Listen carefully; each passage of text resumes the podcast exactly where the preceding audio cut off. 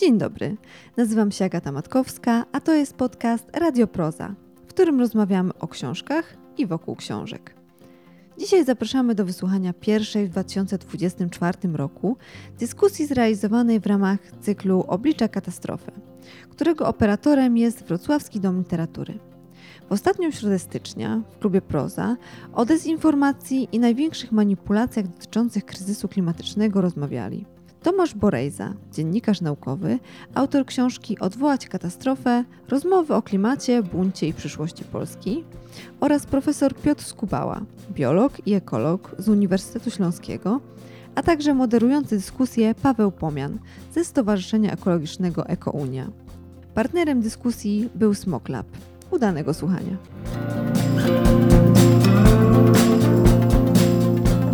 Dzień dobry Państwu, witam Państwa bardzo serdecznie na pierwszym w tym roku, a już dziesiątym z cyklu y, pod tytułem Oblicza katastrofy spotkaniu.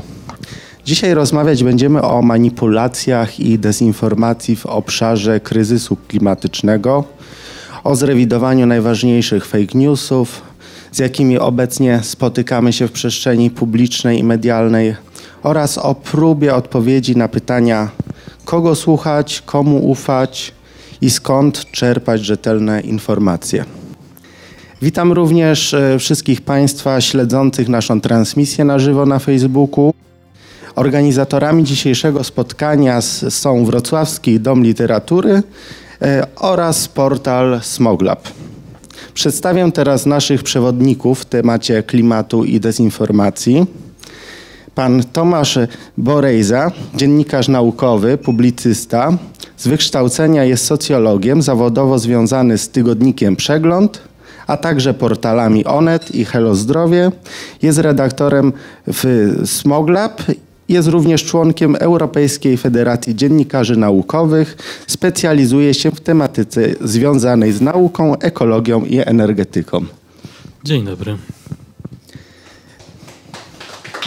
Tak, brawa, prosimy. Dziękuję.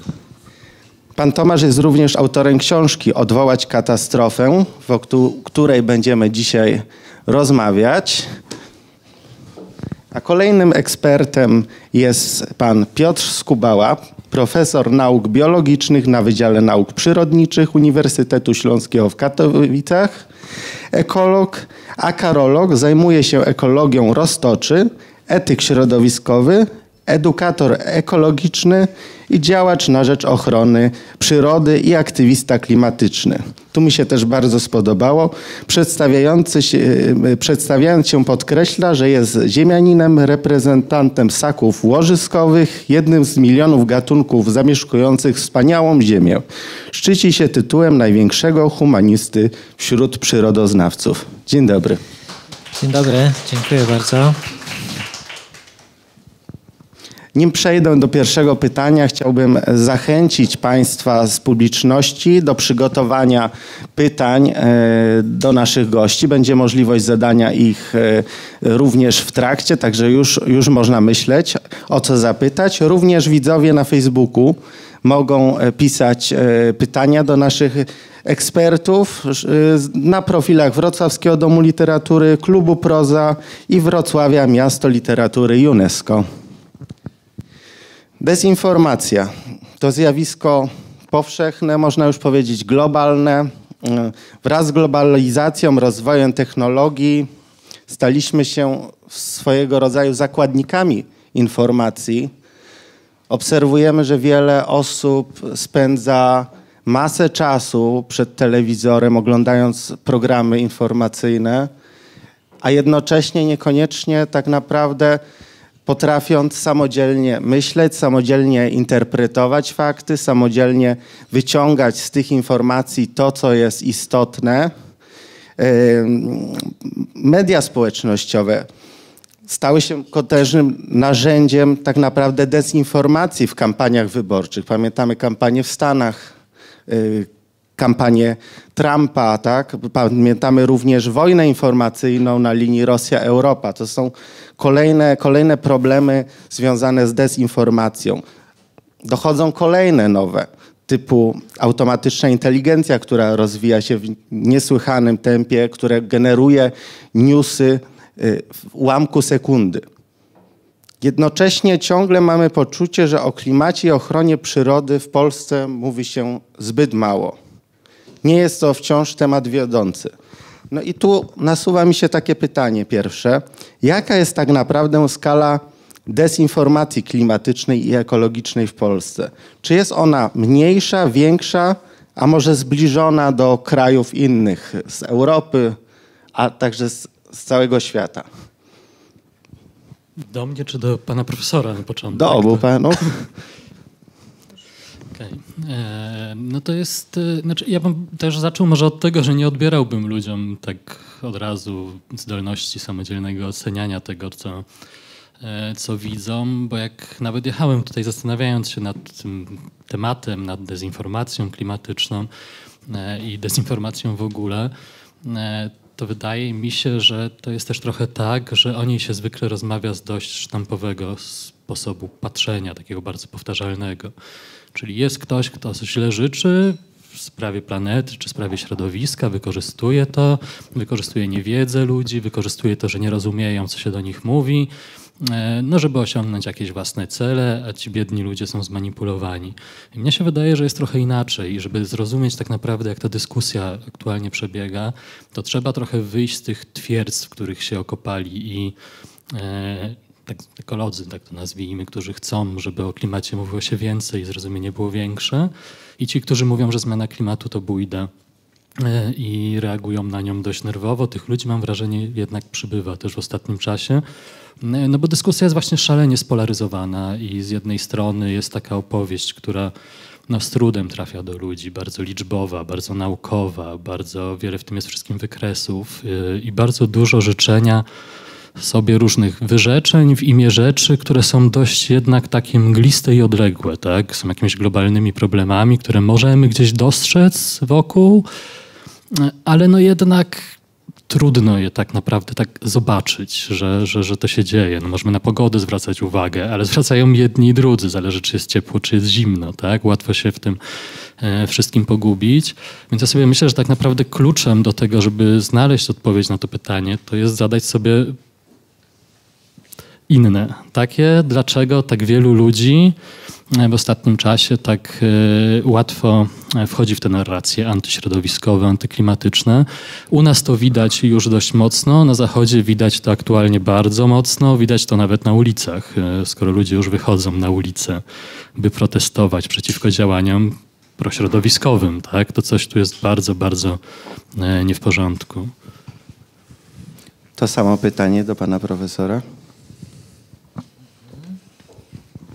Tak. E, no można by powiedzieć, e, zadziwiające, że się spotykamy jeszcze w takim temacie dezinformacji, że to ciągle ona się ma nieźle, kiedy dowody naukowe i konsensus jest pełny, jaki tylko już może być, e, kiedy też te zmiany, które widzimy w naszym kraju, no też są ewidentne i to już nie jakieś naukowe, ale po prostu no, wystarczy wyjść za okno, przeżyć rok e, tutaj i, i, i widać po prostu, jak ten świat się bardzo, bardzo zmienił, a my jeszcze ciągle mm, dyskutujemy, debatujemy. E, to jest jakiś fenomen zadziwiający. No za tym, kryją, za tym kryją się ciągle jakieś ogromne środki, no bo mnóstwo ludzi pracuje na to, żeby mącić nam w głowach jeszcze i, i robią to no, skutecznie ciągle jeszcze. E, stało się coś niepokojącego, że, że mm, jako społeczeństwo przestaliśmy słuchać nauki, prawda? To zaufanie do naukowców, do nauki osłabło wyraźnie. Tymczasem naukowcy już są zgodni niemal w 100%, 99,9% y, prac, które się ukazują, no, są zgodne, że zmiany klimatu są, że są przez nas spowodowane. To po, po, w ubiegłym roku się takie badania, badania ukazały. My też w naszym kraju doświadczamy mm, tych, tych zmian klimatu w różnych formach. Chyba najbardziej susza już tak dociera, dociera do nas. E, chociaż to być może, być może ciągle za mało. Kiedyś prowadziłem spotkanie mm, z no, panem marszałkiem Sejmu, obecnie Szymonem Hołownią, w temacie właśnie takich no, zmian klimatu. I zapytaliśmy przy, którymś, przy którymś z pytań, kiedy ludzie się zmienią, jakby zrozumieją wreszcie i uwierzą, że jest źle naprawdę. No on powiedział tak dosadnie, że wtedy jak, jak będą trupy na ulicach, mm, no oby, oby do tego nie doszło, ale widzimy, że, że wielu osobom nie wystarcza to, co jest, to, co dociera do nich z, z mediów, że sytuacja no, jest naprawdę e, krytyczna jeżeli chodzi o, o, o naszą sytuację. Tak, tutaj przed chwilą e, rozmawialiśmy przed spotkaniem. Ja sobie przypomniałem o, o z ostatnich postów pana profesora Szymona Malinowskiego. Jak Państwo wiecie, no, znawca klimatu, to chyba najbardziej znana postać ze świata naukowego w naszym kraju, który się mówi o tym bardzo dużo i działa na tym polu. E, no i zwrócił uwagę na taką bardzo niepokojącą rzecz. No, Ostatnie pięć lat, co się, co się wydarzyło, e, gospodarka mm, obierająca się, no, bo dążymy do gospodarki o obiegu zamkniętym, ale niestety jest regres. O 21% y, w ciągu ostatnich pięciu lat zmniejszył się jakby recykling. To, co my wprowadziliśmy do gospodarki o obiegu zamkniętym, tak, recykling się zmniejszył. Także my coraz więcej zostawiamy tych odpadów, a, tym, a tym, w tym samym czasie o 28% y, wzrosła konsumpcja, ilość dóbr, jakie wykorzystujemy. Bardzo wiele osób, tak jak my tutaj siedzący, pewno jesteśmy zatroskani stanem planety. Widzimy, jak bardzo zmienił się nasz świat, ile osób jest zatroskanych, ile organizacji, ile inicjatyw, ile spotkań, dyskusji E, szczytów klimatycznych dotyczących bioróżnorodności, no wysiłek wielu ludzi jest potężny, żeby zatrzymać to niszczenie tego naszego świata. E, mnie to osobiście daje nadzieję i sprawia, że nie wpadam w depresję, kiedy widzę, jak dużo się dzieje, jak, z iloma osobami się spotykam, jak, jak wiele fantastycznych ludzi wokół mnie jest, którzy się zmieniają, ale jednocześnie w tym samym czasie E, patrząc globalnie na nasz świat, ma on się coraz gorzej. Ja podałem tutaj dwa, dwa przykłady. Jeszcze warto sięgnąć do emisji, które rosną. E, e, rok, w którym największe emisje gazów cieplarnianych, no to miniony rok, tak? Najwyższa temperatura w naszej historii od czasów przedindustrialnych, no to miniony rok.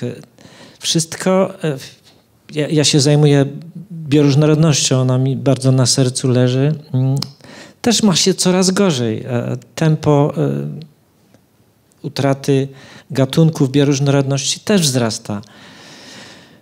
No, jest to, jest to bardzo niepokojące i mimo tych ewidentnych, ewidentnych dowodów na to, że, że idziemy w złą stronę, e, wiele osób jakby nie dowierza i daje się manipulować, nie? No właśnie, no jest właśnie bardzo wiele takich inicjatyw e, służących klimatowi.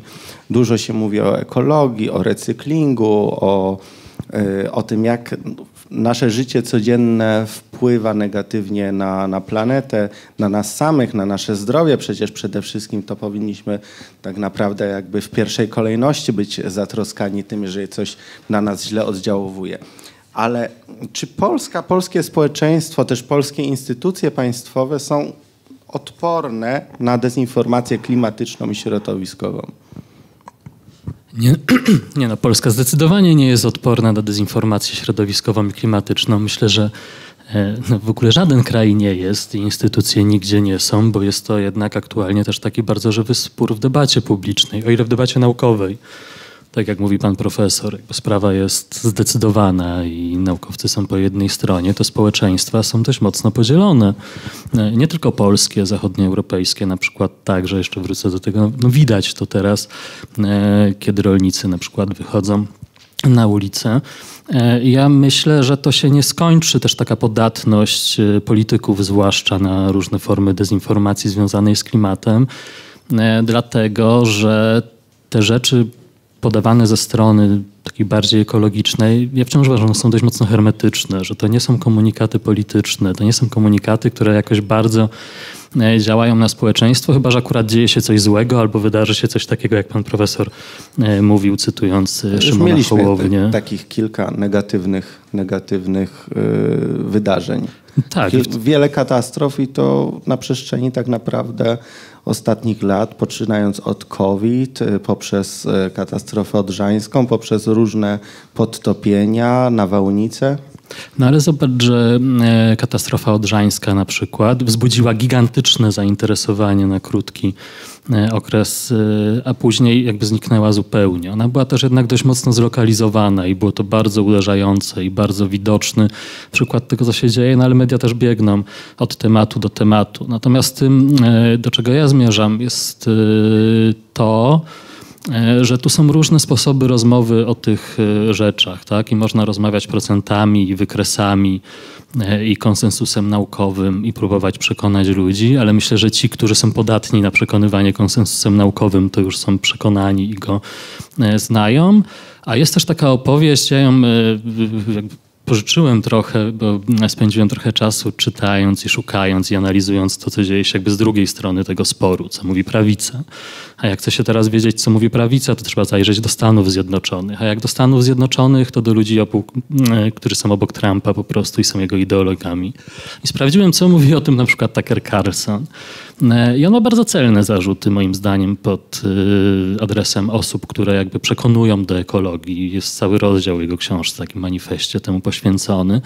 I jakby tak streszczając to, co ma do powiedzenia, no, główny ideolog altprawicy światowej, no to jest trochę tak, że on mówi właśnie, no tu są jakieś wykresy, przychodzą te fundacje, coś tam opowiadają, sami nie do końca dbają o to, co robią, bo na przykład jest Bill de Blasio, były burmistrz Nowego Jorku, który jednocześnie mówił, że trzeba pozamykać ruch w całym mieście, ale na siłownię obok biura jeździł w y, kolumnie pięciu suwów. Nie? No, ktoś to wyłapuje, pokazuje, mówi takim ludziom nie da się wierzyć, ale co on mówi? On mówi, to nie jest tak, że środowisko jest nieważne. Dla prawicy środowisko jest równie ważne ważne jak dla lewicy, tylko my na to możemy popatrzeć tak, że dla nas ważna jest czysta woda, czyste powietrze, nie wiem, zdrowe jedzenie, a nie coś, co nazywają ideologią. Tak? Znaczy gdzieś, i wydaje mi się, że jest trochę tak, że jest gdzieś taka przestrzeń, że czysta woda, czyste powietrze i zdrowe jedzenie jest dla wszystkich ważne i niekoniecznie wykres to jest to, co do tego e, przekonuje, ale na przykład to, co pan profesor opowiadał mi, jak przeprowadzaliśmy wywiad do książki, jak pojechał na wakacje do Łagówka chyba, prawda, z pełną torbą e, specyfików na komary, który jak się okazało nie wyjął, będąc przez dwa tygodnie nad jeziorem, no bo nie ma już komarów. Tak? I jak się przez chwilę zastanowimy, gdzie są motyle, jak rzadko je widzimy, gdzie są te wszystkie owady, no to nagle się okazuje, że to po prostu widać. Tak? Bardziej widać dla mnie na przykład, i myślę, że jest to bardziej przekonujące dla wielu osób, niż właśnie ten wykres wzrostu temperatury lub alarm, że zbliżamy się do półtora stopnia. Co to znaczy półtora stopnia? Hmm? Wiedzą fachowcy. Panie profesorze, czy jesteśmy odporni na dezinformację klimatyczną? Znaczy, hmm, e, bo tutaj. Znaczy, jestem przekonany, że, że ci, którzy e, mącą w głowach i, no i bronią tego starego świata, wiedzą chyba, zdają sobie sprawę, że, że czym to się może, może skończyć dla nas wszystkich. Ja bym tu mógł wiele analiz e, przytoczyć naukowców, w jakim tempie nasz świat może się zawalić chyba ta druga strona zdaje sobie z tego sprawę, no ale nie chce się zmienić, bo naprawa tego świata wymaga zmiany w nas. My się musimy po prostu zmienić. Jeżeli chcemy zachować ten świat, przetrwać jako gatunek ludzki, to my musimy się zmienić. Nasze serca muszą się zmienić, nasze wartości, sposób w jaki żyjemy, w sposób w jaki się odżywiamy, jaki się poruszamy, jaki spędzamy wakacje w jaki, w jaki produkujemy e, różne rzeczy, mm, jak się poruszamy po miastach, no to wszystko się musi zmienić e, w nas. No, a tego większość z nas nie chce. Także za wszelką cenę trwamy i odsuwamy, odsuwamy od siebie te myśli, no bo, bo nie chcemy, boimy się tej zmiany. No jest to niby naturalne, a nikt, nie, każdy z nas się jakoś obawia tego typu zmian. No tylko musimy zrozumieć, że bez dokonania radykalnej zmiany w gospodarki, edukacji, sposobów, w jaki się odżywiamy, no wszystkiego, to niestety czarne scenariusze i mroczna przyszłość się po prostu nam spełni. W jaki sposób, co, co my możemy zrobić? Ja tutaj przypominam sobie taki artykuł 17 e, najwybitniejszych ekologów napisało no, dwa lata temu taki artykuł, w którym przedstawili tą diagnozę straszną, mroczną przyszłość, która nas czeka, jeżeli nie dokonamy radykalnych zmian. I oni postawili sobie tam cel i po co oni to robią? Oni to robią po to, żeby zaoferować społeczeństwu zimny prysznic, bo uważają, że ten zimny prysznic jest nam wszystkim potrzebny.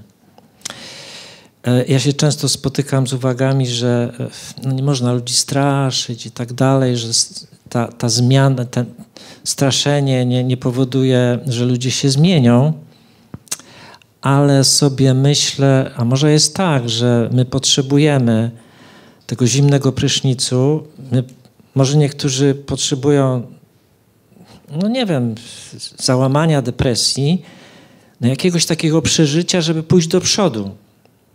Może powinniśmy dostać potężnie po głowie, cierpieć i wtedy e, w nas się dokona ta zmiana i zaczniemy naprawiać ten, ten świat bo my na razie go nie naprawiamy. To już podawaliśmy sobie liczby, fakty.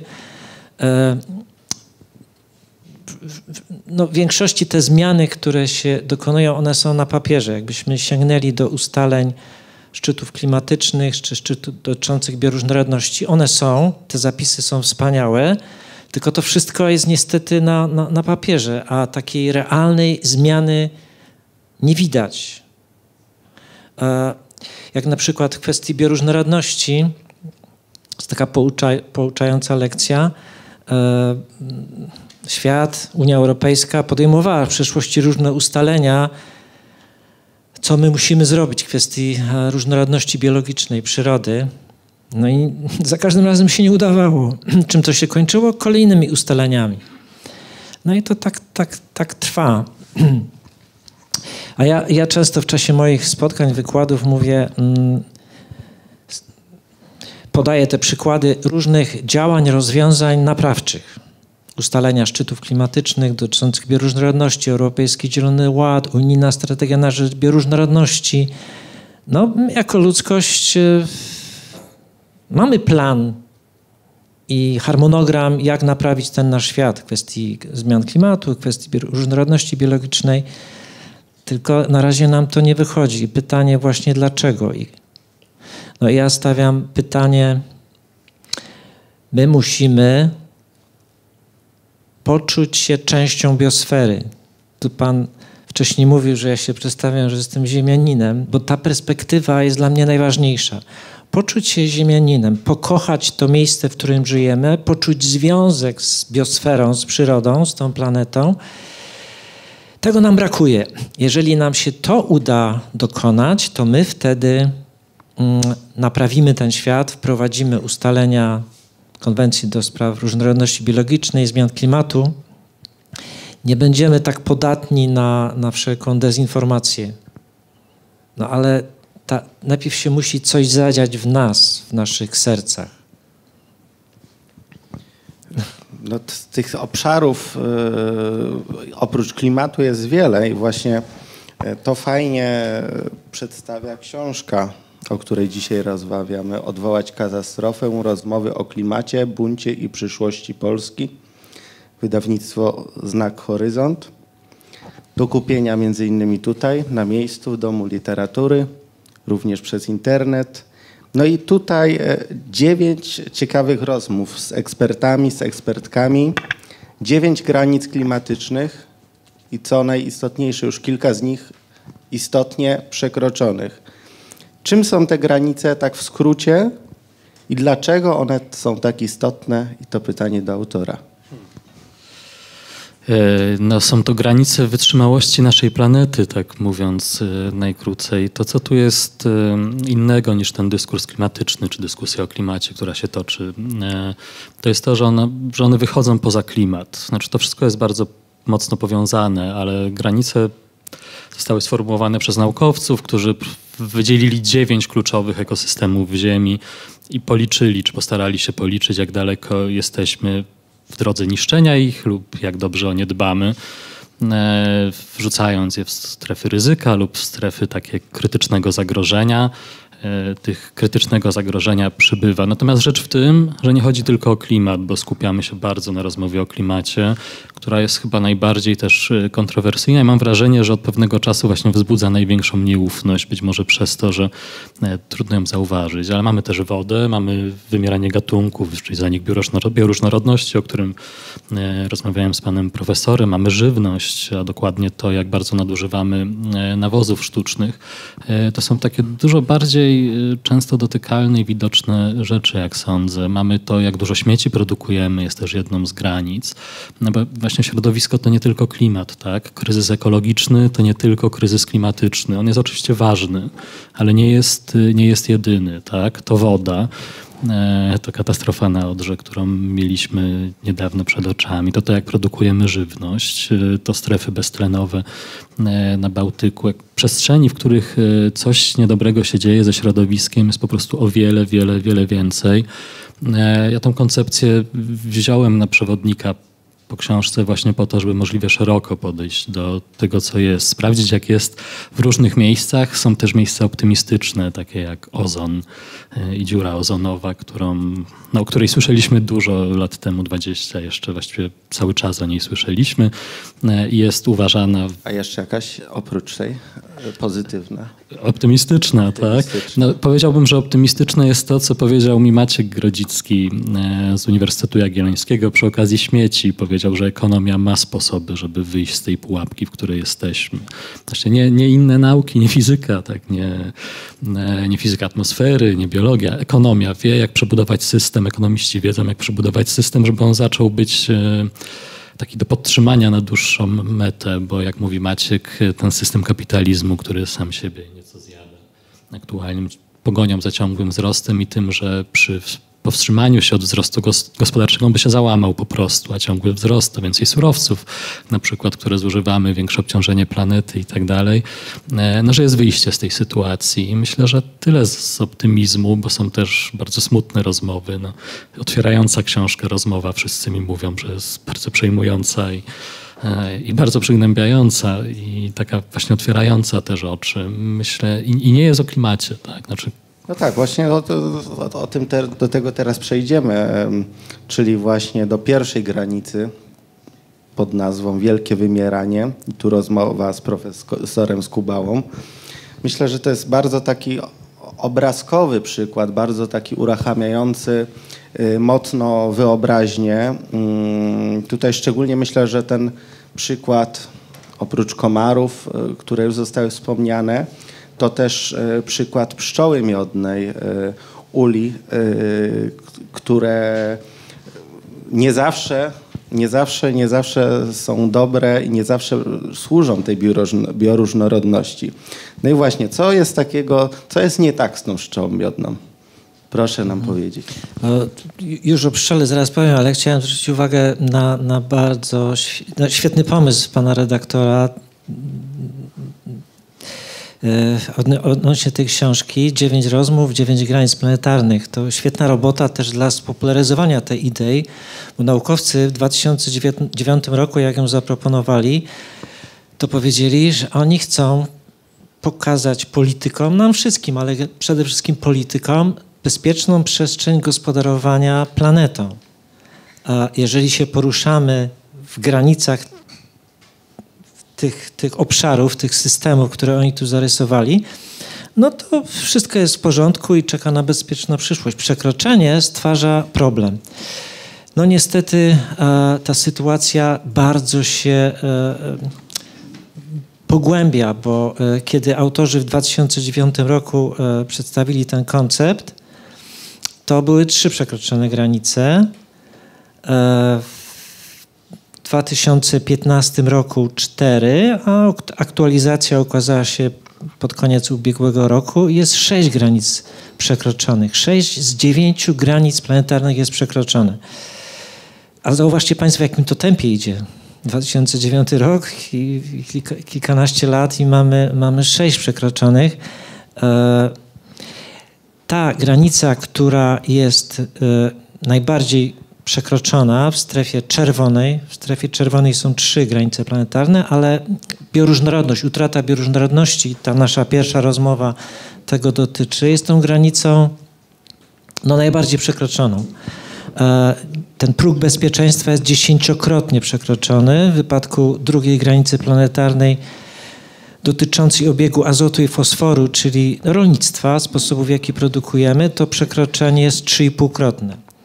Także głównym tym problemem czy obszarem krytycznym jest bioróżnorodność. Ja często, jak, jak e, ostatnio zaczynam wykłady, zaraz do pszczoły dojdę, e, zaczynam wykłady czy warsztaty, to mm, mówię, że rozpocznę od najważniejszej wiadomości w historii ludzkości. I pytam słuchaczy, e, widzów, co dla nich jest, bo ja uważam, że to, co ja teraz powiem, powinno być na pierwszych stronach gazet, nasi parlamentarzyści powinni głównie o tym dyskutować i wszelcy inni parlamentarzyści, e, ale niestety tak nie jest. Nie? No i mówię o tym, że życie wymiera na naszej planecie. To jest fakt. To jest naukowy fakt. Jakbyście Państwo tak sięgnęli do artykułów naukowych opisujących wymieranie współczesne, nazywane szóstym wymieraniem, to naukowcy używają najbardziej mocnych terminów a nie robią to nawet ekolodzy czy jacyś tacy ludzie zatroskani, empatyczni, tylko naukowcy używają terminów Armagedon w odniesieniu do owadów, e, biologiczna anihilacja, no po prostu najbardziej mocnych terminów używają w artykułach naukowych, żeby podkreślić wagę tego problemu wymieranie. A przechodząc do pszczół, e, no to też jest, też jest lekcja dla nas, bo my często e, taki wyraz naszej troski o przyrodę, no to pszczoła, tak? Troszczymy się o pszczoły. Jak my dbamy o te pszczoły? Robimy różne rzeczy dla niej, żeby było dobrze. Większość z nas ma na myśli pszczołę miodną. Co to jest pszczoła miodna? No, pszczoła miodna to jest gatunek hodowany, to jest gatunek inwazyjny, to jest y, gatunek, który myśmy niejako zniewolili. To jest nasz niewolnik. Nie jest to gatunek, który wymaga naszej troski i my nie pomożemy sobie, przyrodzie, e, troszcząc się o pszczołę miodną. Wprost przeciwnie. troszcząc się o pszczołę miodną, e, szkodzimy innym zapylaczom, pszczołom dzikim, to, czego my potrzebujemy dzisiaj w odniesieniu do owadów i pszczół, to zatroszczyć się o pszczoły, ale pszczoły dzikie, zapylacze dzikie. No ale by się wydawało, że skoro owadów jest coraz mniej, e, szczególnie w miastach, to taki pomysł wydaje się świetny, że skoro owadów brakuje, to postawmy ule, tak, pasieki. postawmy ule. Mhm. E, tak, to jest bardzo popularne. To stało się bardzo popularne. Kiedy tego było nie, niewiele, kiedy to były jakieś przykłady służące takim celom edukacyjnym, to w porządku, ale potem okazało się, że stawianie uli w miastach to jest konkurencja dla pszczoły dzikiej, dla dzikich zapylaczy. I my, no, starając się, nie odmawiam serca, zaangażowania, troski tym osobom, które e, robią różne rzeczy i stawiają ule mm, dla, dla pszczoły miodnej, ale jak się okazuje, no, szkodzimy przyrodzie, szkodzimy dzikim zapylaczom. Aha. To do mikrofonu. W związku z tym, że pszczoła miodna zabiera pyłek pszczołom dzikim, to ta konkurencja, o tej konkurencji Pan mówi. Tak, tak. I wszystkim innym zapylaczom. Im więcej pszczoły miodnej, tym mniej jedzenia dla wszystkich innych pozostałych. Dziękuję. Jeżeli to e, jest jaka- jakaś ograniczona skala, no to nic złego się nie dzieje, ale niestety stała się to, stało się to modą, też wymówką dla, dla różnych osób, dla, dla biznesu. E, taki greenwashing to jest w pewnym sensie. No, prowadzę jakąś firmę i ja tu dbam o przyrodę. No i co ja robię? Stawiam te ule. E, kiedyś jako naukowcy protestowali przeciwko temu. No, afera się zrobiła straszna. Mm, No, ale myślę, że coś dobrego przy okazji zrobiliśmy, e, bo no, pokazaliśmy, że, że najważniejszą rzeczą jest troska o przyrodę, o dziką przyrodę, o dzikie zaplecze. Tego przede wszystkim potrzebujemy, a nie potrzebujemy e, kolejnych uli. E,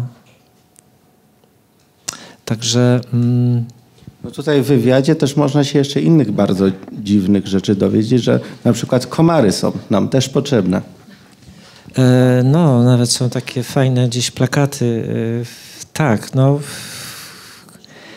Ka- każdy, każdy gatunek e, na tej planecie jest nam potrzebny. Każdy gatunek ma swoją rolę do odegrania. No bo życie na tej planecie jest taką siecią powiązań. Ja często używam tego porównania, pewno Państwo znacie, do sieci pajęczej. Tak? Pytam wtedy, czy w sieci pajęczej są nitki mniej i bardziej ważne. No nie ma. I tak samo w naszym świecie. Każdy gatunek jest ważny, jest potrzebny, ma do odegrania jakąś ważną rolę. A co nam grozi, jeżeli tracimy te gatunki, no to ja często w tym momencie odwołuję się do hipotezy wypadających nitów. Jest jedna z hipotez, która tłumaczy w ekologii związek między różnorodnością biologiczną a stabilnością ekosystemu, przyrody. E, hipoteza wypadających nitów porównuje funkcjonowanie przyrody do samolotu, który leci. Z tego samolotu wypadają śruby, nity, wypada jedna, druga, trzecia. No nic złego się nie dzieje, ale wszyscy wiemy, że wypadnięcie którejś kolejnej śruby spowoduje katastrofę samolotu. No i tak samo prawdopodobnie e, jest z naszą przyrodą. My tracimy tą bioróżnorodność, no i nie, niewiele osób się przejmuje, e, bo przecież wszystko jest, słońce świeci, woda jest, rośliny rosną, no tylko do pewnego momentu. W którym momencie może dojść do załamania, tego nie jesteśmy w stanie przewidzieć, y, który ten gatunek będzie tym, który s- sprawi, że ten ekosystem i ta przyroda rozleci się jak domek z kart. Czy ta perspektywa jest odległa? Można by tu różne wyniki badań przywołać. Nie wiem, czy będzie czas, ale No właśnie, to jest kwestia, ja według może naukowców kwestia tutaj. dekad. Jeszcze kilka, Zaledwie. kilkanaście lat temu owadów wszędzie było dużo. Były na łące, towarzyszyły nam podczas spacerów. Dziś motyl to rzadkość. Widać, e, nie widać pszczół, much. Dziwi mnie, jak mało osób wyraża swoje poruszenie tym, że owadów już nie ma. Naukowcy mówią, że rocznie tracimy 2,5% biomasy owadów. Jeżeli nic się nie zmieni, a to tempo się utrzyma, za 100 lat nie będzie na Ziemi żadnego owada. Tak, no, no najbardziej charakterystyczne i to wszyscy widzimy, no wszyscy, ci, którzy na pewno samochodem jeżdżą. Przypomnijcie sobie Państwo kilkanaście lat temu, jak wyglądała szyba samochodu, jak wygląda y, obecnie. Po prostu nie, nie, nie ma problemu. I to też, też mnie tak, że nas to nie porusza jakoś, nie? nie daje nam do myślenia, bo to jest, no tak, wiele osób, znaczy część osób się po prostu z tego, z tego cieszy. E, To, co z owadami się dzieje, pan tu przywołał tempo utraty biomasy i za 100 lat. Najbardziej poruszające jest to, że wyniki badań, e, na przykład w Niemczech w 2007 roku, autorzy badali, e, co się stało w ciągu ostatnich 35 lat z owadami w obszarach chronionych. Bo na polach to wiadomo, chemia i tak dalej, a oni badali w obszarach chronionych. I tam były spadki e, biomasy i liczebności owadów rzędu 75-80% w obszarach chronionych. Robiono też badania w, Puerto Rico, mm, w dżungli tropikalnej. Badano liczebność owadów naziemnych i tam były spadki 98% w dżungli tropikalnej. Czyli w tych obszarach, gdzie się wydawało, że wszystko jest ok. Także słowo Armagedon w odniesieniu do owadów no, jest jak najbardziej uzasadnione. No tak, a jednocześnie to jest taka rzecz, którą chyba bardzo ciężko zobaczyć tak naprawdę, prawda? Bardzo ciężko zobaczyć, że czegoś nie ma. Dopiero zaczyna się to zauważać, kiedy ktoś zwróci na to uwagę, tak? Kiedy zaczyna się patrzeć na tą szybę. No bo tak jak pani mówiła, no czysta jest, możemy się ucieszyć, tak? E, ale właśnie ja też zacząłem patrzeć uważniej po tym, jak mi pan profesor powiedział, na co patrzeć. No i rzeczywiście, no tak sobie myślę, motyla zobaczyć 20 lat temu w mieście nawet nie był żaden problem. Teraz zobaczyć motyla, no to jest wydarzenie. No. Dla mojej córki to jest wydarzenie na rok, że wspomina, że no, motyl przeleciał, prawda? E, więc to się zaczyna zauważać, jak ktoś powie, żeby na to patrzeć. Więc ja się tak bardzo nie dziwię, że ludzie nie, e, też nie dostrzegają. Może trzeba jeszcze głośniej mówić. To nasze zadanie i dla mediów pewnie. Też jeszcze, nasze. też jeszcze bardzo charakterystyczne kumkanie żab. Tak. Czy zauważycie Państwo kilkanaście lat temu i teraz e, no ja, ja, to widzę, że teraz znaleźć takie miejsce, gdzie słyszę te kumkanie żab, to naprawdę trzeba mieć szczęście. I to też e, pokazują dowody, bo mm, e, dowody naukowe mówią, że liczebność e, płazów na świecie w ciągu ostatnich 50 lat spadła o 83%. Płazy są grupą kręgowców, która najbardziej ucierpiała. 83% w ciągu 50 lat. No. Ja, to, ja to ja z okien mojego domu zawsze tam kiedyś miałem to kumkanie żab w perspektywie od, nie wiem, pięciu, ośmiu lat. Nie słyszę tego zupełnie. No to wróćmy teraz może do tego naszego dzisiejszego przewodniego tematu yy, odnośnie manipulacji, dezinformacji. Ja tak się zastanawiam, e, jaki rodzaj tej manipulacji klimatycznej jest najgorszy. I wydaje mi się, że to jest ten, e, ten typ manipulacji, ten typ przekazu, który płynie ze strony rządów, ze strony instytucji państwowych. A najgorszy jest ten, który płynie ze strony różnych instytucji państwowych, które w teorii mają chronić naszą, e, naszą przyrodę. Tak na przykład lasy państwowe. Chronimy dzisiaj realnie 1,5% powierzchni kraju w postaci parków narodowych i rezerwatów. A lasy państwowe pod pozorem dbania, że las sobie bez nas nie poradzi, masowo tną, wyżynają całe obszary i eksportujemy te drewno do Chin. Dodatkowo rozpylają nad lasami Mospilan, środek owadobójczy, czyli niszczą owady, niszczą bioróżnorodność, pewnie nie tylko na obszarach lasów, tylko to przenika i płynie rzekami wraz z wodami dalej i oddziałuje na kolejne tereny. Na szczęście z lasami widzi, y, coraz większy ten protest e, społeczny jest widoczny. Dlaczego? No bo dlatego, że coraz bardziej, coraz intensywniej ta gospodarka leśna jest prowadzona. Ludzie y, idąc na spacer do lasu praktycznie nie mogą przejść lasem nie widząc jakichś wyrębów. No i też jesteśmy we Wrocławiu. Tutaj temat katastrofy był dosyć mocno komentowany, chociaż sama Złota Alga tutaj dosyć mocno akurat nasz, naszą rzekę na odcinku Wrocławia oszczędziła. E, ale no, kolejna instytucja, na przykład Wody Polskie, ministerstwo, e, które nadal e, tutaj apel koalicji Ratujmy Rzeki, choćby związany z tym, że, że ministerstwo nadal nie wycofuje się z projektów betonowania, pogłębiania rzek, tworzenia dróg wodnych. Także tu jest, nadal widzimy, że to nie jest kwestia dbania o środowisko, tylko kwestia betonowania i ponownego, e, ponownego widma katastrofy. No i właśnie, skoro te instytucje, które powinny mieć zaufanie i często też jednak e, siłą rzeczy cieszą się jakimś autorytetem, bo w końcu zatrudniają ekspertów, inżynierów, e, tylko że często to są eksperci z dziedzin nauk takich e, technologicznych, od betonowania, od wycinania. No i właśnie, jak walczyć z takim rodzajem dezinformacji, takim u samej góry? Tomasz. Znaczy, u samej góry to on też jest, ale to jest chyba na każdym poziomie.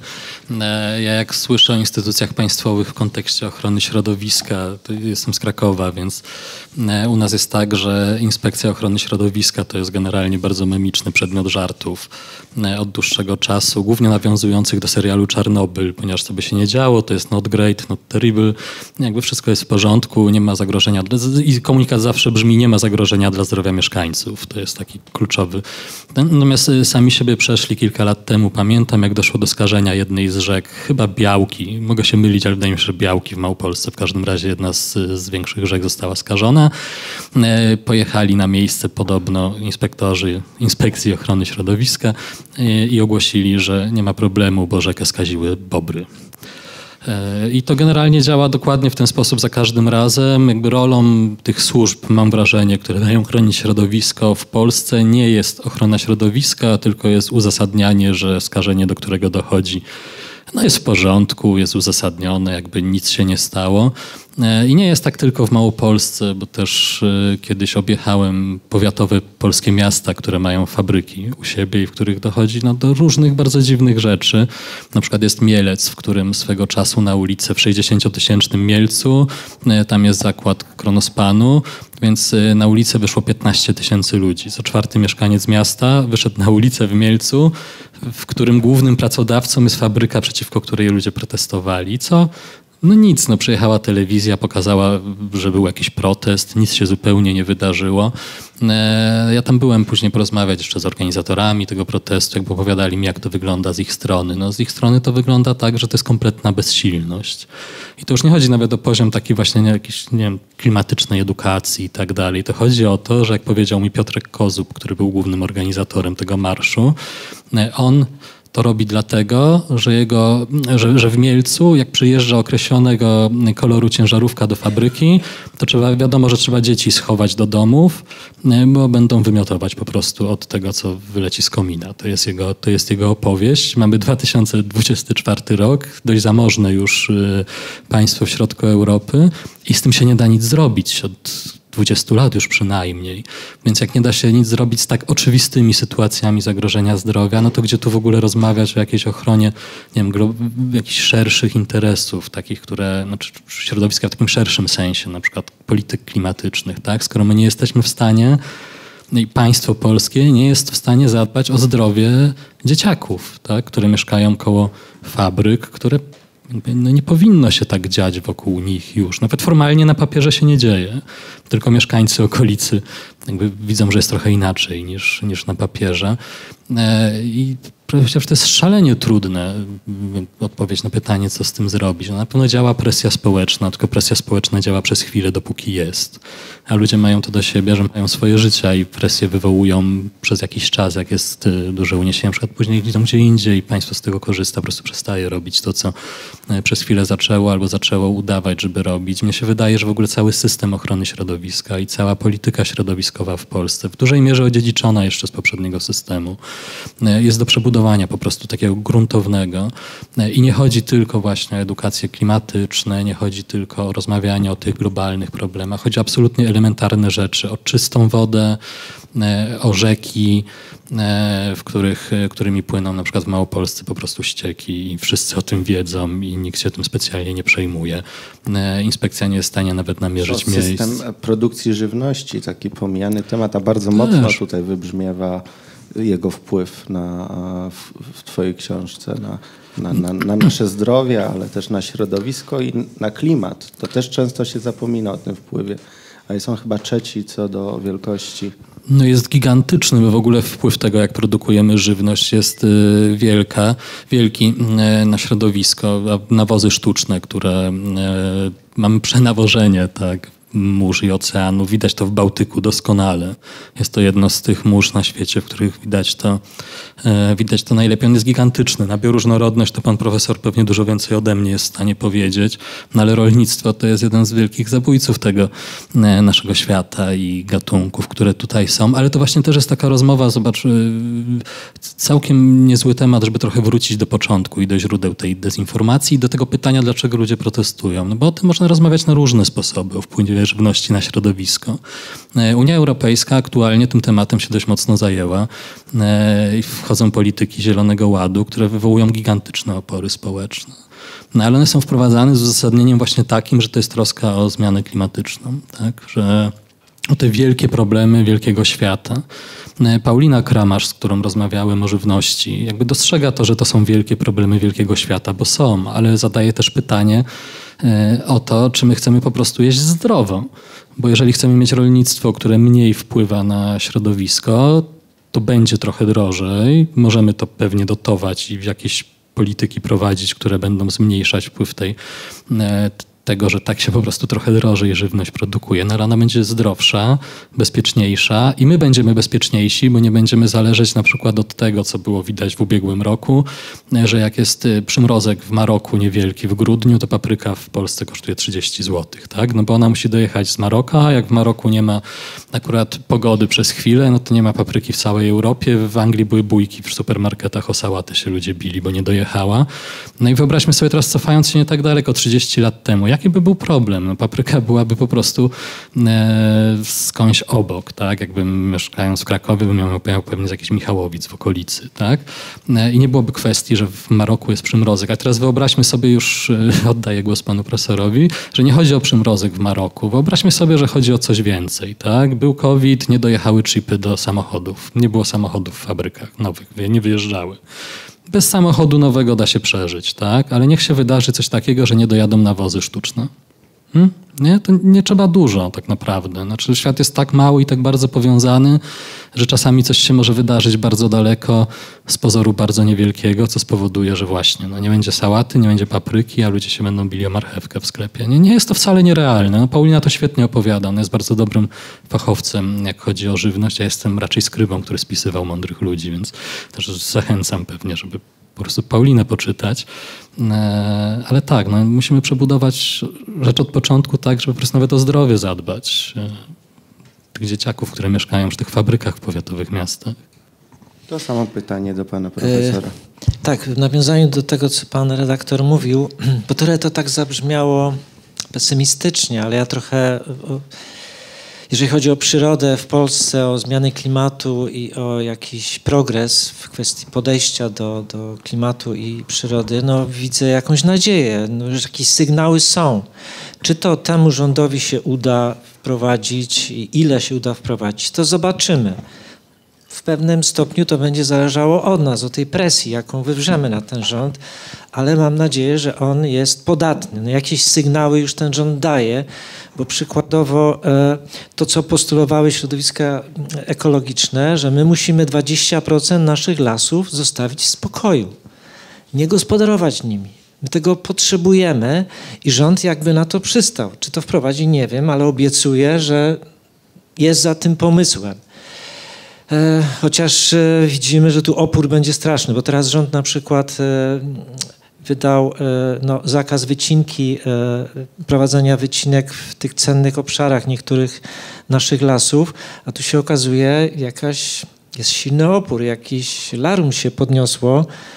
To tylko tra... 10 obszarów. No, 10 to tylko 10, 10 obszarów, obszarów, nie? Byliśmy, wiele osób zadowolonych, szczęśliwych, ale tu teraz widzimy opór narasta. Rząd też obiecuje, że parki narodowe kolejne będą tworzone.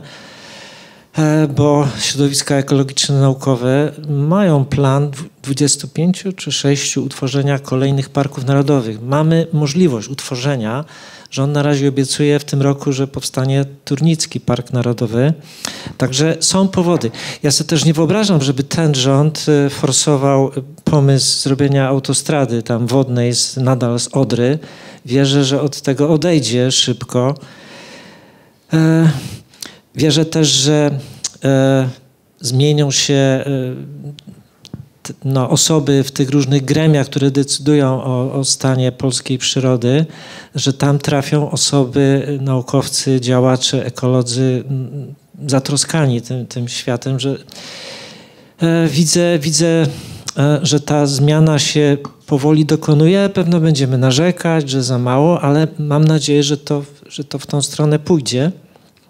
Tu też wspomniał pan redaktor o edukacji klimatycznej.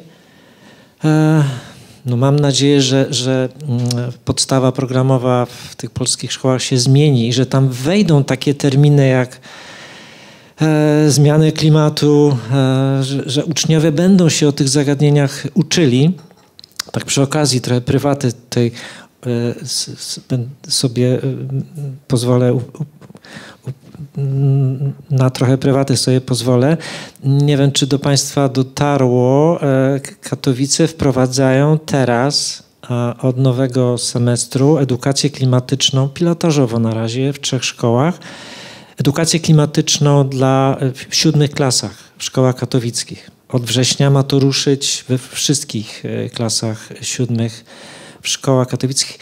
To jest pomysł między innymi mój, ale nie tylko mój, tylko też moich, y, moich znajomych z uczelni. Władze miasta na to przystały, znalazły się osoby, które zechciały nad tym pracować. Nasz pomysł był taki, że edukacja klimatyczna to jest zagadnienie dla wszystkich, że ona ma być na wszystkich przedmiotach. I to się ma dziać y, w tych klasach siódmych. E, ja widzę w tym nadzieję, że teraz uczniowie na wszystkich przedmiotach, od religii, WF-u po matematykę, fizykę, biologię tak dalej, rozmawiają o tych zagadnieniach związanych z zagrożeniami tego świata. Dla mnie edukacja klimatyczna jest edukacja o klimacie, o bioróżnorodności, no, o zagrożeniach tego świata i szukaniu dróg wyjścia. E, bo troska o klimat, o przyrodę, o planetę to, to nie jest zagadnienie dla biologa, geografa, czy no, dla pojedynczych osób. O tym wszyscy powinni rozmawiać. I takie możliwości są. I my w Katowicach chcemy dać właśnie przykład, że nauczyciele z wszystkich przedmiotów będą o tych zagadnieniach rozmawiali, nawiązywali do nich. Tylko, że tego typu działanie i edukacja, no ona musi być systemowa. Nie? Wtedy, wtedy będzie dobrze. E Zresztą tego domagała się młodzież z młodzieżowego strajku klimatycznego, żeby o takich zagadnieniach mówić, mówić prawdę o świecie, nie? I, i budować, e, szukać rozwiązań. A jakie było pytanie? Znaczy może wróćmy teraz do tych granic planetarnych, e, bo już, już ten temat został zasygnalizowany, jest ich dziewięć e, i tylko jedną z nich są zmiany klimatyczne. I ta granica jakby szczególnie mocno jest eksponowana w mediach. Jakby już mi się wydaje, że każdy ma świadomość, nie każdy może jeszcze jakby akceptuje, nie każdy jeszcze widzi konsekwencje, e, ale mm, powoduje to taką sytuację, że i do zadania tego pytania zainspirowała mnie rozmowa z książki z Wiktorem e, Kotowskim, wybitnym ekspertem w dziedzinie mokradeł, który zwraca uwagę on w kontekście wody, y, że mm, celowo osuszaliśmy torfowiska, celowo kopiemy y, rowy melioracyjne. One nadal są bez zastawek, nadal odwadniają teren. Mm, wykorzystujemy wody powierzchniowe do nawadniania pól w związku z tym, że jest susza. No i właśnie i mamy y, suszę. A tak naprawdę mm, ta susza, którą mamy w Polsce, jest e, spowodowana głównie właśnie tymi naszymi działaniami, tymi naszymi działaniami, które zaszkodziły środowisku, naszą ingerencją. I teraz bardzo łatwo e, wychodzi nam obwinianie zmian klimatu, a jeszcze łatwiej wychodzi tutaj obwinianie e, Chin i kraju i krajów Azji, że to są najwięksi emitenci CO2 i przez nich mamy suszę. A to się okazuje, że to nie jest prawdą, że to te nasze działania i właśnie teraz ta uwaga medialna, jak idzie na zmiany klimatu, mm, powoduje taką sytuację, że my przecież nic nie musimy robić. Polska ma mało tych emisji, a nie zwracamy uwagi y, na inne działania. I stąd bardzo łatwo do kolejnej właśnie takiej uproszczonej dezinformacji, manipulacji yy, przyczynowo-skutkowej trochę, że yy, ludzie mogą błędnie obwiniać zmiany klimatu o, co, o to tak naprawdę, co mają łatwym kosztem do zrobienia, na co mają realny wpływ i to są tak jakby inne działania z innych obszarów granic. No i właśnie jak nie wpaść w taką pułapkę? To jest kolejne pytanie, może zaczniemy od pana profesora.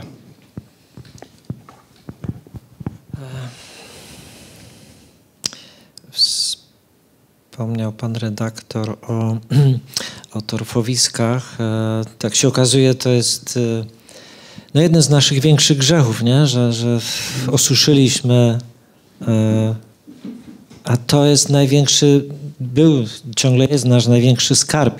I dzisiaj mówi się bardzo wyraźnie o tym, że to, czego my potrzebujemy, to przywrócenia, między innymi odtwarzania, przywrócenia, zachowania jeszcze jakichkolwiek torfowisk, e, a ciągle są one niszczone, eksploatowane w, nasze, w naszym kraju.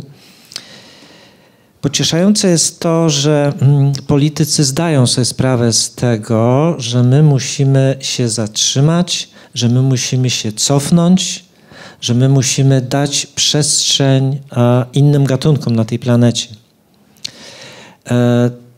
E, Mówi o tym unijna strategia na rzecz bioróżnorodności 2030, że myśmy powinni do 2030 roku e, 30% naszego kontynentu, e, lądów, obszarów lądowych i morskich wziąć pod ochronę.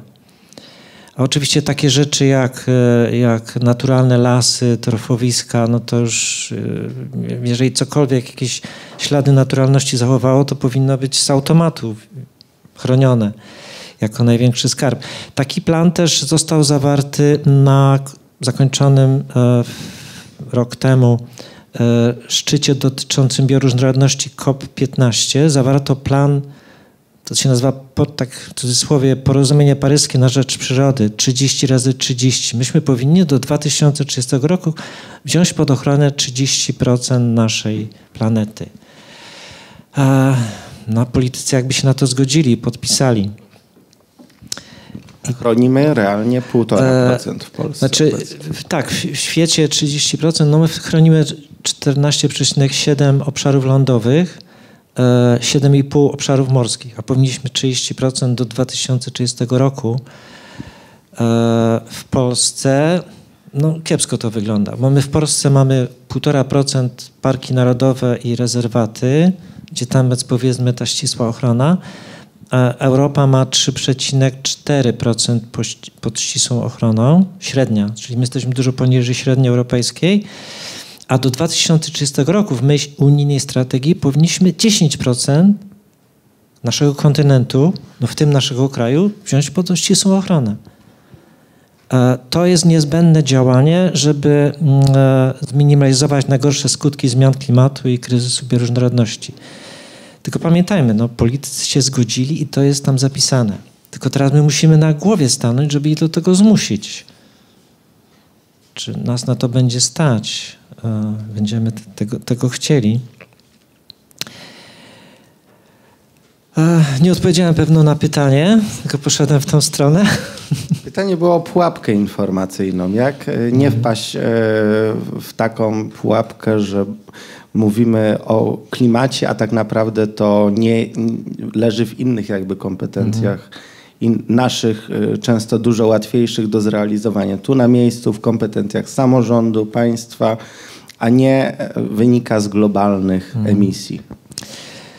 Y, Tak, tak jak wspominałem, no, te działania powinny być wszędzie, na każdym możliwym szczeblu, y, w każdym mo- możliwym obszarze.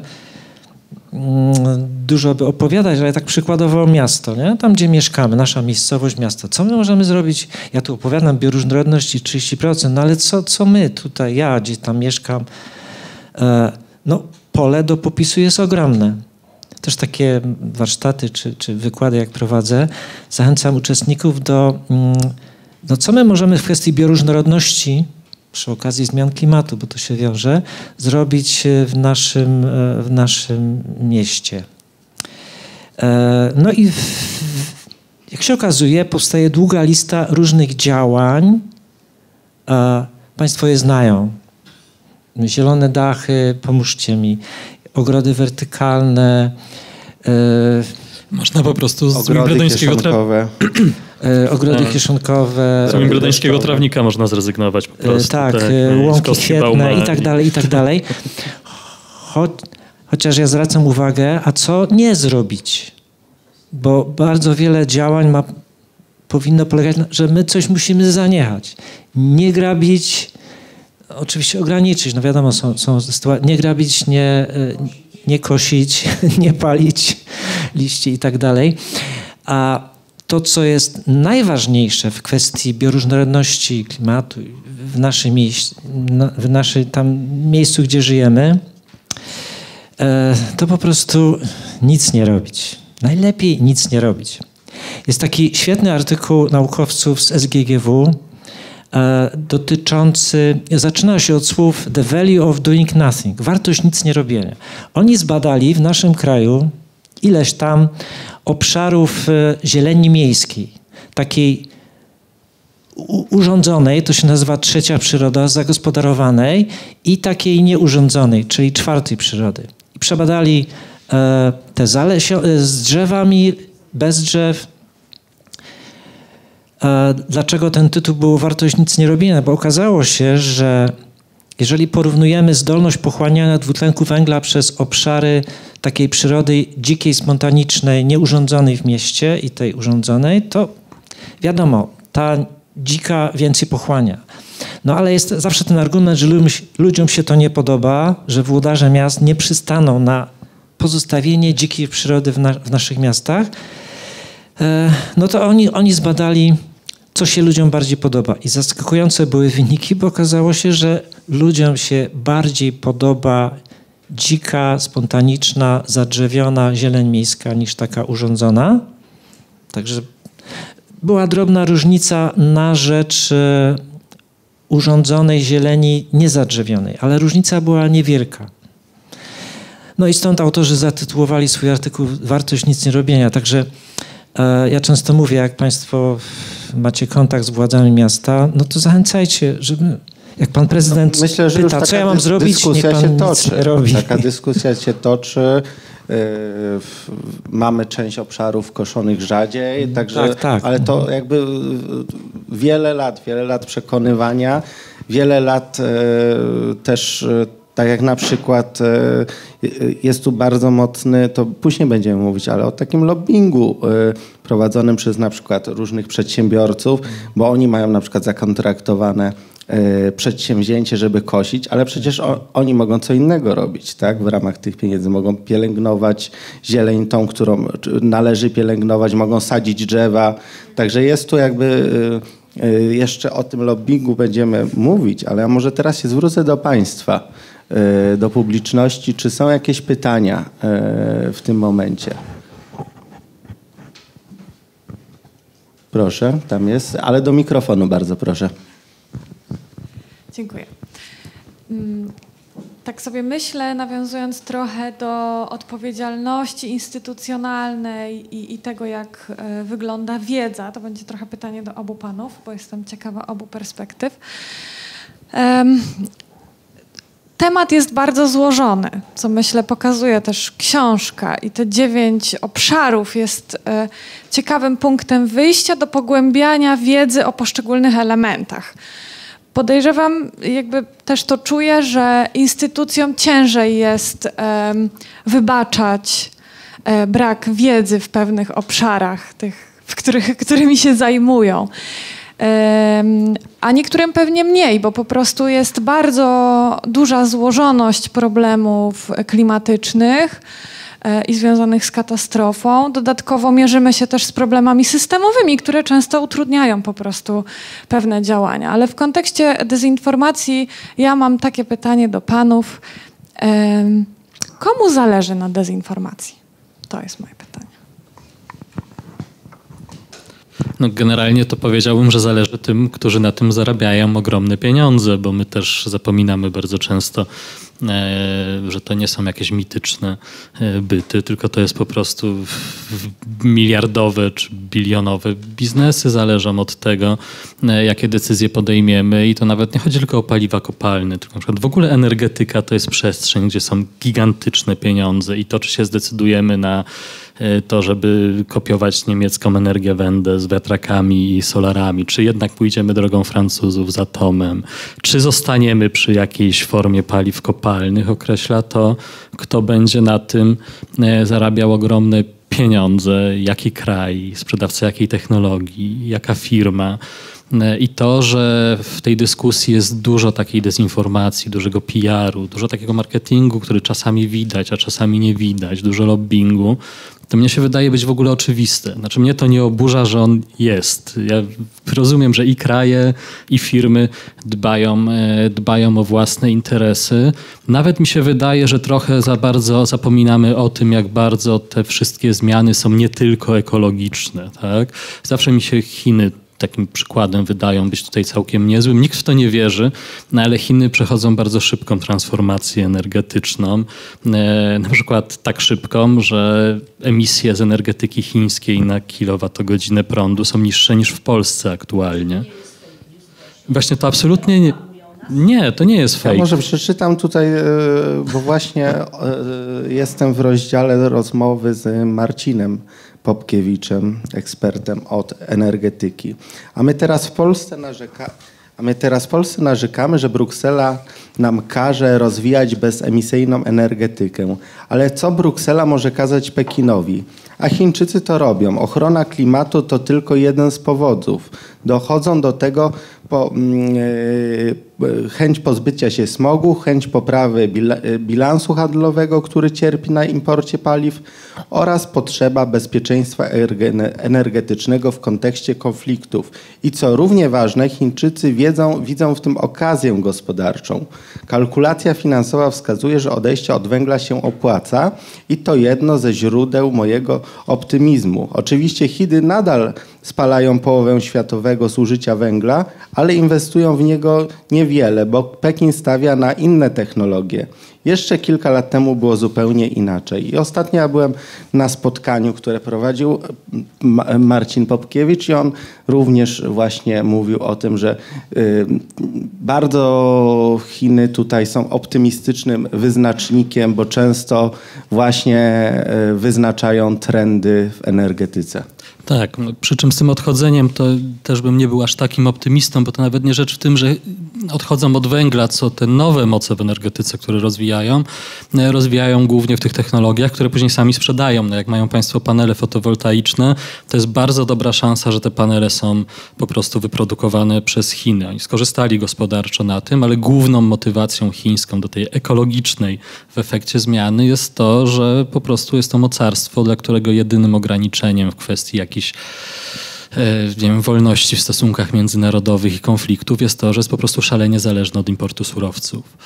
E, I jakikolwiek konflikt zbrojny mógłby być bardzo dużym problemem, jak chodzi o blackouty, jak chodzi o utrzymanie produkcji w Chinach. A jeżeli będą mieć energię, którą produkują na miejscu, ze słońca, wiatru, atomu, no to odpada ten problem, tak? Więc to jest trochę i optymistyczne, jak tak teraz siebie słyszę, i trochę pesymistyczne, bo uwalnia ręce Pekinowi jednak, jak chodzi o e, różne polityczne rzeczy. Natomiast e, jest to taki przykład tego, że te rzeczy się dzieją też dlatego, że po prostu ktoś na tym zarabia, komuś się to opłaca i komuś jest to potrzebne, na co powinniśmy patrzeć. I myślę, że jako kraj też powinniśmy na to patrzeć, bo nam zależność od paliw kopalnych też się zwyczajnie e, nie opłaca. Też z politycznej perspektywy, no widzieliśmy, co się działo, kiedy zaczął się konflikt na Ukrainie i kryzys energetyczny, którego, e, którego wtedy doświadczyła Europa. E, to by tak nie musiało być. Tak? Jeżeli byśmy od e, powiedzmy 10, nawet 20 lat, to nie są długie terminy, żeby to zrealizować, prowadzili świadomą politykę, która zakłada, że coś takiego się może wydarzyć. No teraz już wiemy, że się może wydarzyć. Ja jestem bardzo ciekawy, czy będziemy w stanie jakby w, zrobić Y, zrobić z tym coś, ale w całej dyskusji bardzo myślę, trzeba pamiętać o tym właśnie, że, no, że tam jest wiele motywacji, jest wielu aktorów. Y, ci aktorzy korzystają, mają nieograniczone środki de facto na to, żeby siać dezinformację. Y, no i trzeba po prostu szukać takich miejsc, które które są w tym wszystkim jakoś wiarygodne i podchodzić do sprawy też, myślę, krytycznie, bo to jest polityka, w której też jest tak, że to nie są zero-jedynkowe wybory. No, czy wybierzemy atom, czy wybierzemy energię wędę. No, jedno ma plusy, drugie ma plusy. Jedno ma minusy, drugie ma minusy. Tak? Zostanie przy węglu z perspektywy kraju też jakieś plusy krótkoterminowe wprawdzie i raczej z perspektywą złych rzeczy na końcu, ale też, też się jakieś da znaleźć. Więc y, też tak, tak patrzmy krytycznie i, i pamiętajmy o tym, że po prostu na tym wszystkim, aktorów, którzy mogą zarabiać na tym, jakie decyzje podejmiemy, no jest multum. Komu się opłaca A, tak, dezinformacja? Komu, komu zależy. Mm, No wi- wiadomo, no, wie, wielkiemu biznesowi, tym wielkim korporacjom, które chcą utrzymać paliwa kopalne, które chcą nas przekonywać do jedzenia mięsa więcej i więcej. To ko- kolejny problem, który też tutaj za, zaakcentowany został. E, Ten przykład też podaje, jak bardzo my mamy problem e, z naszą takim etycznym, moralnym postępowaniem. E, To chciałem mocno podkreślić za Alem Gorem, który to tego typu mniej więcej e, tezę powiedział w filmie Niewygodna Prawda i w książce Niewygodna Prawda, mm, że kwestia naszej przyszłości, rozwiązania naszych problemów to jest w głównej mierze kwestia moralna. A my niestety, czy wi- wielu z nas postępuje w sposób niemoralny. Takim e, ekstremalnym przykładem jest to, co zrobił ExxonMobil. Oni w, od 1977 roku wiedzieli, e, czym e, grozi spalanie paliw kopalnych i zrobili wszystko i znaleźli ludzie, którzy mówili tą nieprawdę, naukowców, którzy pracowali na ich rzecz, a dokładnie przewidzieli konsekwencje, co się wydarzy. Nawet przewidzieli, że w 2020 roku e, stężenie dwutlenku węgla osiągnie 420 ppm-ów. Trafili w punkt, do, dokładnie wiedzieli. Ukryli tą prawdę, zatrudnili ludzie, ludzi, naukowców w tym, e, którzy ukrywali tą prawdę. I także mamy ogromny problem z moralnością, no bo, bo ci ludzie wiedzieli, że po prostu w żywe oczy kłamią, nie? Kłamali za pieniądze. A my mamy jeszcze problem, mm, jak to powiedzieć?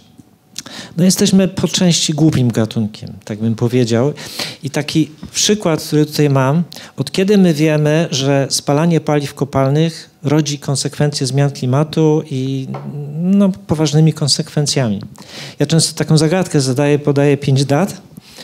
E, mało kto sobie zdaje z nas z tego sprawę, że my o tym wiemy, że naukowcy, nauka stwierdziła to w 1896 roku. Svante Arrhenius obliczył związek między emisją gazów cieplarnianych i zmianami klimatu. Oczywiście nikt tego nie, chciał słuchać. Musiało upłynąć lat, w latach 70., w zasadzie 80., naukowcy już wyraźnie mówili, duża ich część o tych konsekwencjach. Politycy nadal nie słuchali. A kiedy myśmy jako świat przyjęli to do wiadomości, że musimy coś z tym zrobić, w 1992 roku na szczycie Ziemi w Rio de Janeiro podpisaliśmy konwencję w sprawie zmian klimatu. Zauważcie Państwo, prawie 100 lat musiało upłynąć, żebyśmy się puknęli w głowę i stwierdzili, okej, coś trzeba z tym zrobić. No i teraz tak przez te 30 ileś lat kombinujemy, żeby coś z tym zrobić, no ale kolejne szczyty klimatyczne, e, ale emisje rosną w tym, samym czasie, także kiepsko z tą naszą inteligencją. No, jednocześnie mamy też dość sprytnych graczy tutaj, bo jak pan profesor mówi o korporacjach naftowych, to ja sobie od razu myślę, że ta dezinformacja czasami przybiera dość zaskakujące formy, bo znacie państwo zapewne takie narzędzie jak e, kalkulator indywidualnego śladu węglowego. E, Bardzo modne, często pojawiające się, często promowane jako taką zieloną, e, taka, taka zielona rzecz, którą można zrobić, sprawdzić, poprawić się i wszystko zmienić. Ale nie wiem, czy wiecie państwo, kto rozpropagował kalkulator indywidualnego śladu węglowego wśród e, szerokiej publiki. No, zrobiła to korporacja naftowa BP. Zrobiła to w takim celu bardzo prostym, że jak państwo sobie liczycie kalkulator z swój ślad węglowy z pomocą tego kalkulatora, no to już nie tak chętnie będziecie liczyć BP, bo odpowiedzialność jest tutaj jasna. To państwo jesteście winni za to, co się dzieje, a nie BP. E, kosztowało to duże pieniądze, wymyśliła to bardzo sprawna agencja e, marketingowa ze Stanów, a taki zupełnie top of the top popularności przypadł na czas po katastrofie w Zatoce Meksykańskiej, kiedy BP miało bardzo zły PR w związku z tym, co się tam wydarzyło e, i no, baryłkami ropy, które tam milionami płynęły po prostu do, do oceanu. No, zainwestowali po prostu w taką kampanię, żeby się bardziej patrzeć na to, co się robi samemu, a im dać święty spokój, żeby mogli dalej, dalej wiercić, emitować i no, robić dużo więcej. Słuchaj, więc czasami jak się też myśli o tych dezinformacjach, na przykład o których rozmawiamy, no to jest taka narzucająca się rzecz, że ktoś wychodzi wprost i mówi nie, nie, to nieprawda, prawda, klimat to nie, nie zmienia się wcale, co to za bójdę, ekolodzy opowiadają. No a czasami jest zupełnie inaczej. Ktoś wychodzi i mówi, to problem jest poważny, tylko po prostu pokazuje innego winnego niż chciałby go widzieć. Więc no, no szalenie trudno jest się w tym odnaleźć, jak sądzę. Mnie się, ja się gubię, jakby zawodowo się tym zajmuję od, nie wiem, 10 lat przynajmniej. E, to nie dziwię się, że gubią się po prostu ludzie, którzy no, mają taki kontakt, jak każdy normalny człowiek z tym, co się dzieje, dociera i, i wpływa do nas. No tutaj w tym obszarze e, spółek energetycznych, wielkiego biznesu energetycznego, no to mm, bardzo duża część odpowiedzialności za emisję jednak spoczywa właściwie głównie w kwestii tych wielkich biznesów, czy to naftowych, czy, czy, czy paliw kopalnych. No i teraz pojawia się taki problem, który właśnie też Marcin Popkiewicz tutaj przytacza, ale też wielu, wielu innych yy, autorytetów odnośnie tego, że w zasadzie kręcimy się trochę w tym cały czas systemie wzrostu, wzrostu e, energii, wzrostu konsumpcji energii. Nikt tak naprawdę nie mówi o oszczędzaniu, o efektywności energetycznej. Mało zależy nam na termomodernizacji. Mm, nie traktujemy e, efektywności energetycznej jako źródła ciepła nie myślimy w ogóle o tym, jak zaoszczędzić. No dlaczego? No bo się to tym wszystkim korporacjom e, e, węglowym nie opłaca. Tak? One oczywiście się transformują często e, na, na gaz, teraz na modną energetykę jądrową, ale też na wielkie OZE, jak na przykład e, projekty PGE, które, które chce się pozbyć tych udziałów węglowych, a stać się z dnia na dzień wielkim tutaj e, producentem zielonej, czystej energii. No i właśnie jak walczyć z tą machiną lobbystów, biznesmenów, e, którzy nie patrzą na wspólne dobro i jak uniknąć dezinformacji, olbrzymiej dezinformacji w tym obszarze? Może zaczniemy od pana profesora. Znaczy, no, my jako społeczeństwo musimy zrozumieć, że jedynym wyjściem jest, no, musimy się zatrzymać w tym rozwoju.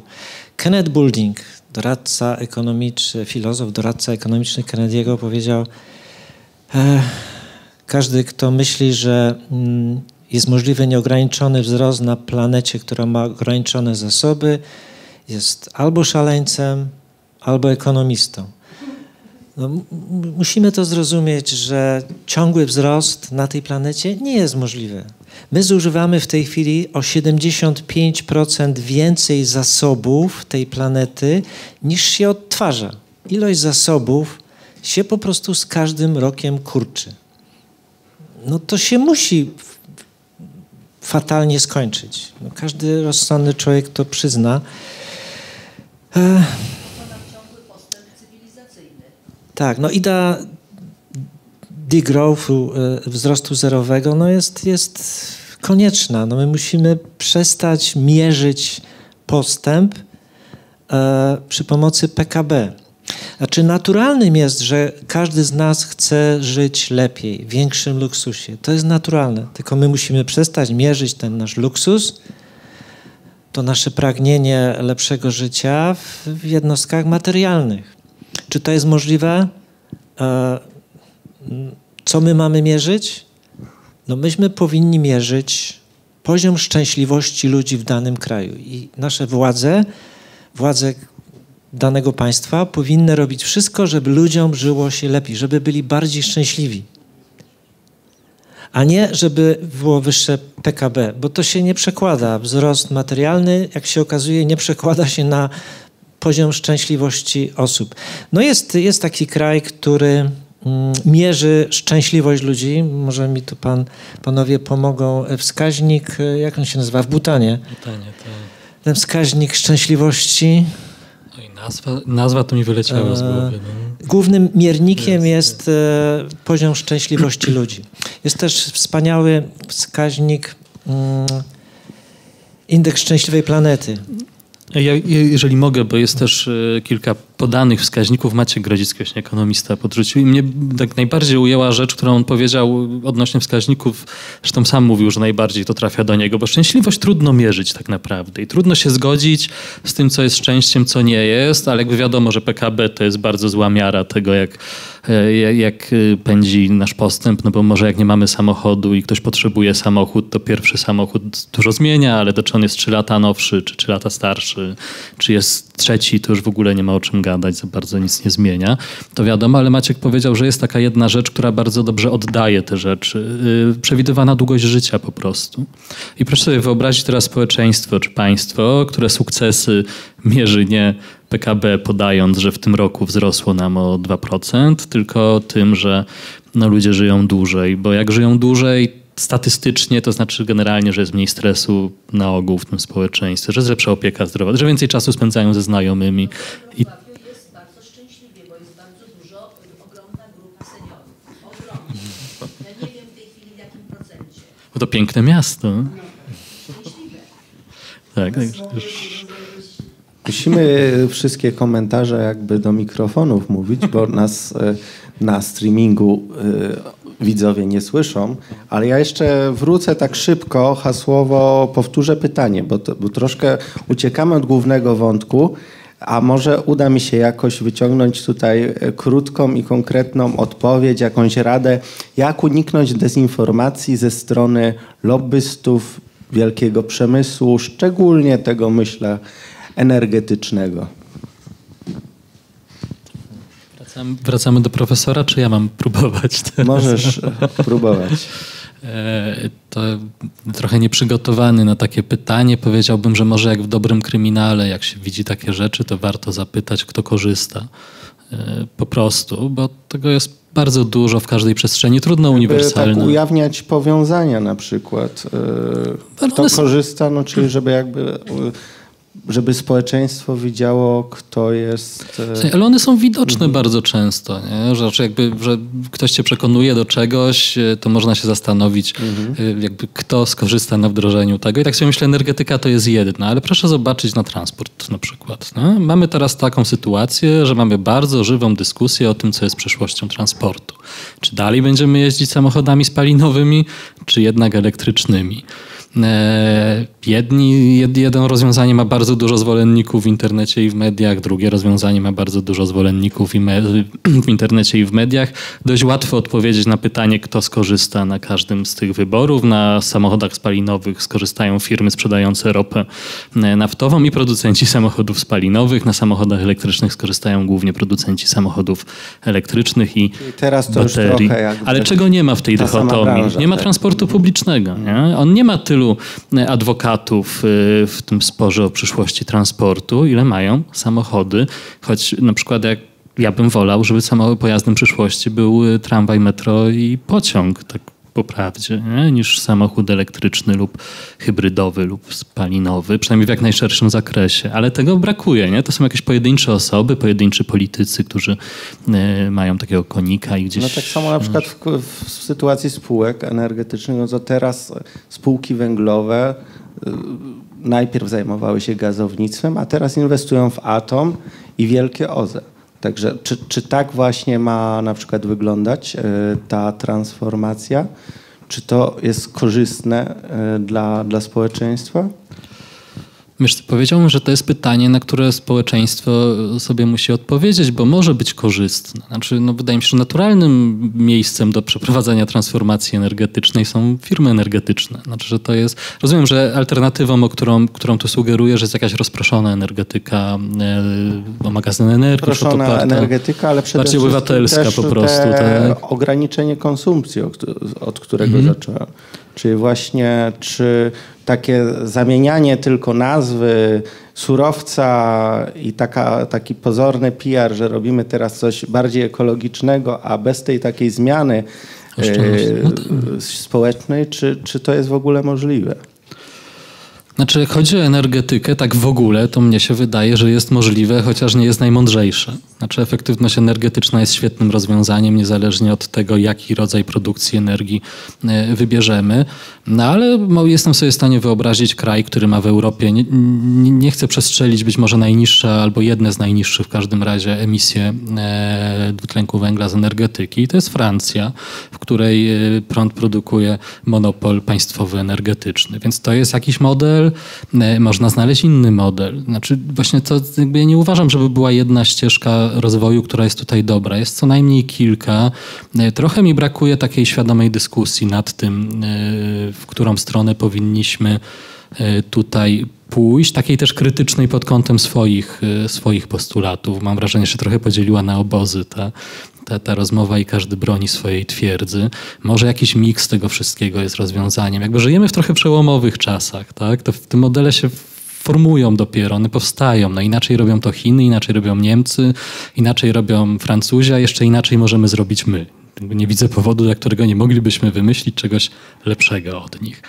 E, ale to nie jest takie zero-jedynkowe właśnie. No, znaczy efektywność energetyczna jest zero-jedynkowa, ale jednocześnie mając wielki monopol y, państwowy z mnóstwem elektrowni jądrowych, jesteś w stanie zrobić bardzo niską emisyjność z energetyki, nawet bez efektywności, chociaż Francuzi też o to dbają oczywiście. To nie jest tak, że robią to bez tego. Ale też się to da jakoś zrobić. No, mając bardzo dużo OZE, i nie mając efektywności energetycznej, zapewne też by się dało zejść z emisjami e, gazów cieplarnianych. Tylko po co, skoro mniejszym kosztem i dużo mądrzej i sensowniej można po prostu zmniejszyć też zużycie energii przy okazji, tak? Ale nie ma tutaj, ja nie widzę takiej zero-jedynkowości w, w wyborze modelu transformacji. Ich jest kilka, musimy go wybrać mądrze i myślę, że przede wszystkim musimy go wybrać konsekwentnie.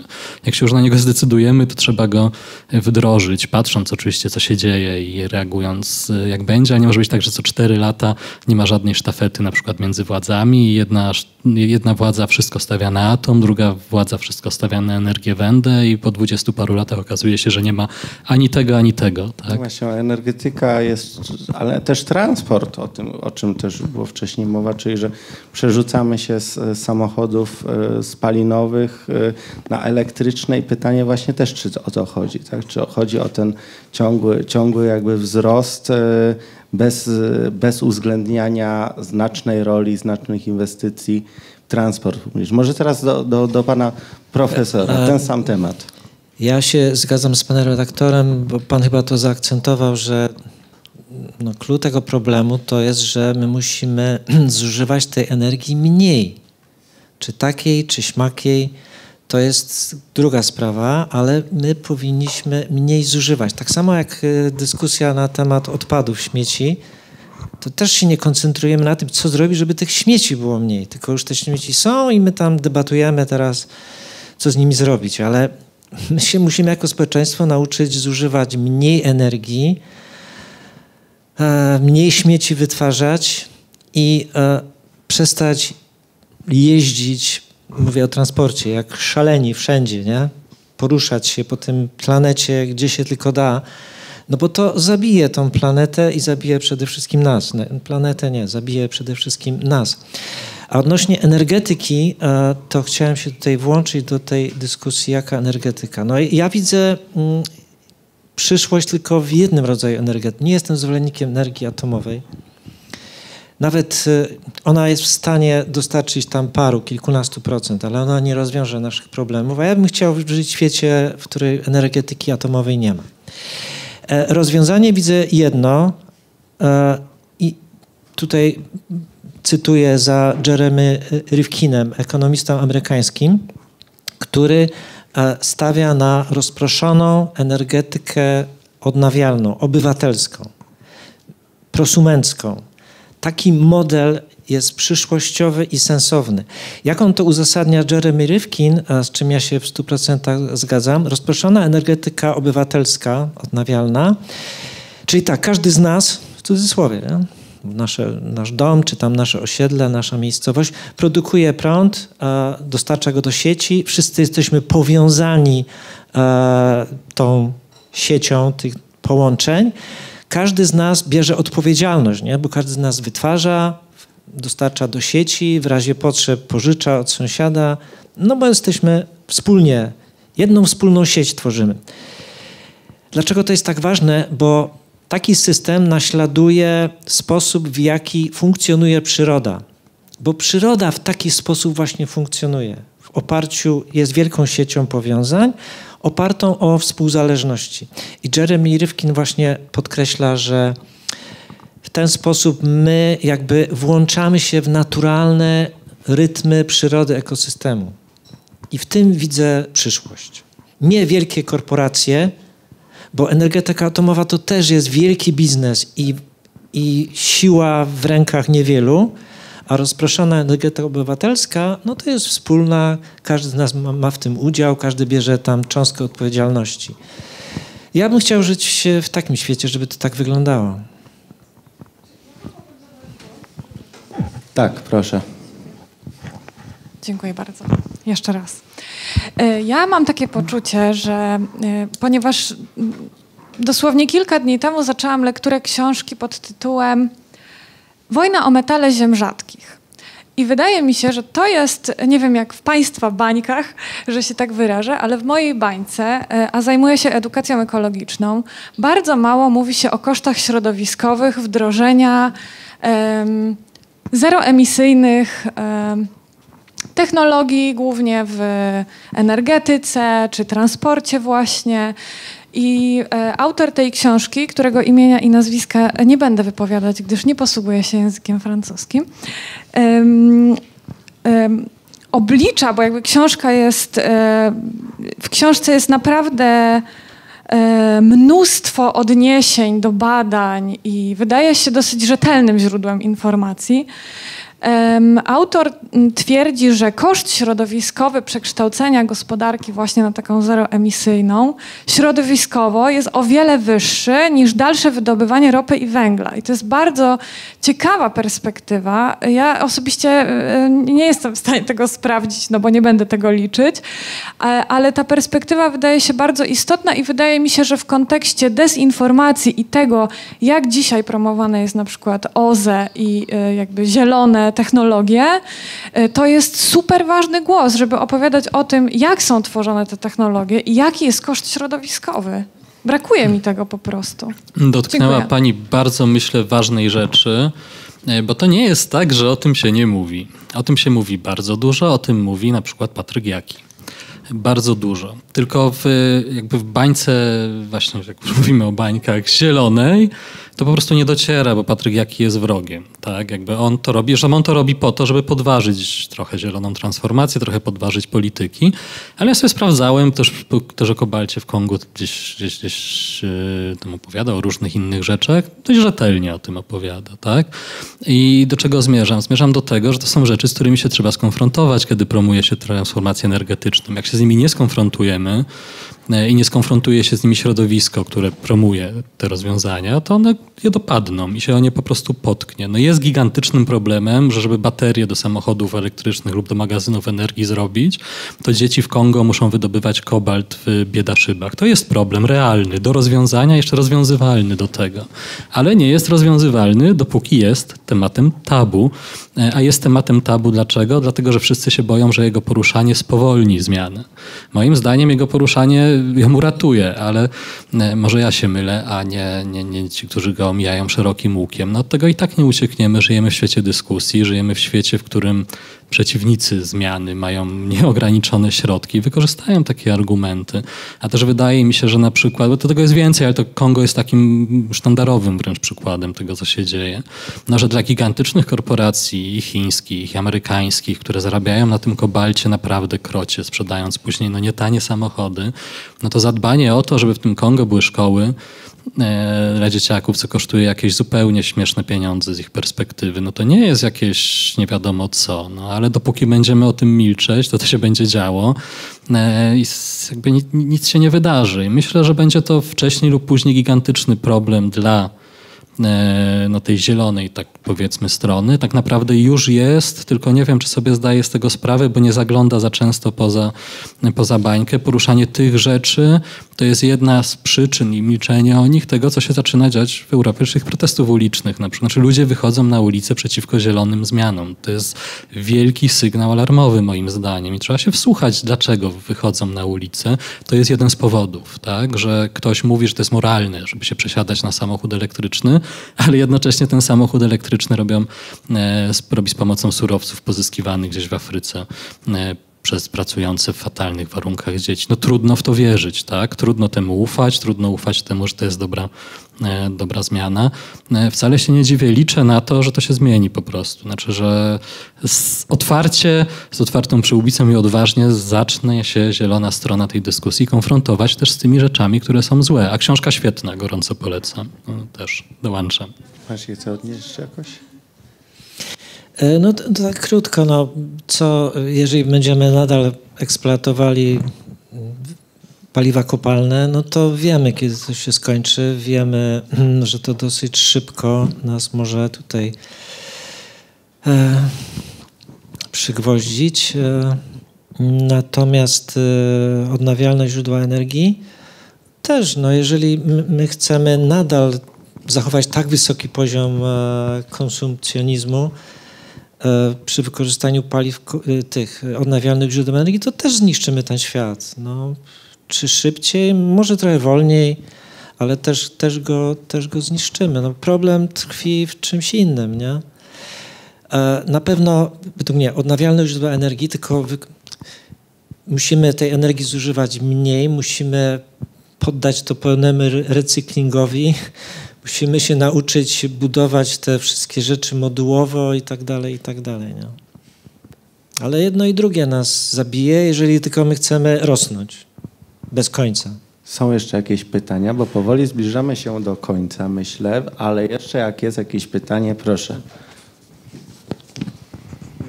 Ja mam taką wizję trochę utopijną, może bardziej niż pytanie, ale trochę pytanie, bo skojarzył mi się, pan profesor mówił o tych, o tych szkołach katowickich, że na wszystkich przedmiotach będzie mowa o klimacie, o, o transformacji itd. Tak Jeżeli w debacie publicznej dotyczącej czegokolwiek nie będzie o klimacie, o transformacji, to E, nie, nie dotrzemy do ludzi, do społeczeństwa, nie będzie lobby, nie będzie nacisku społecznego.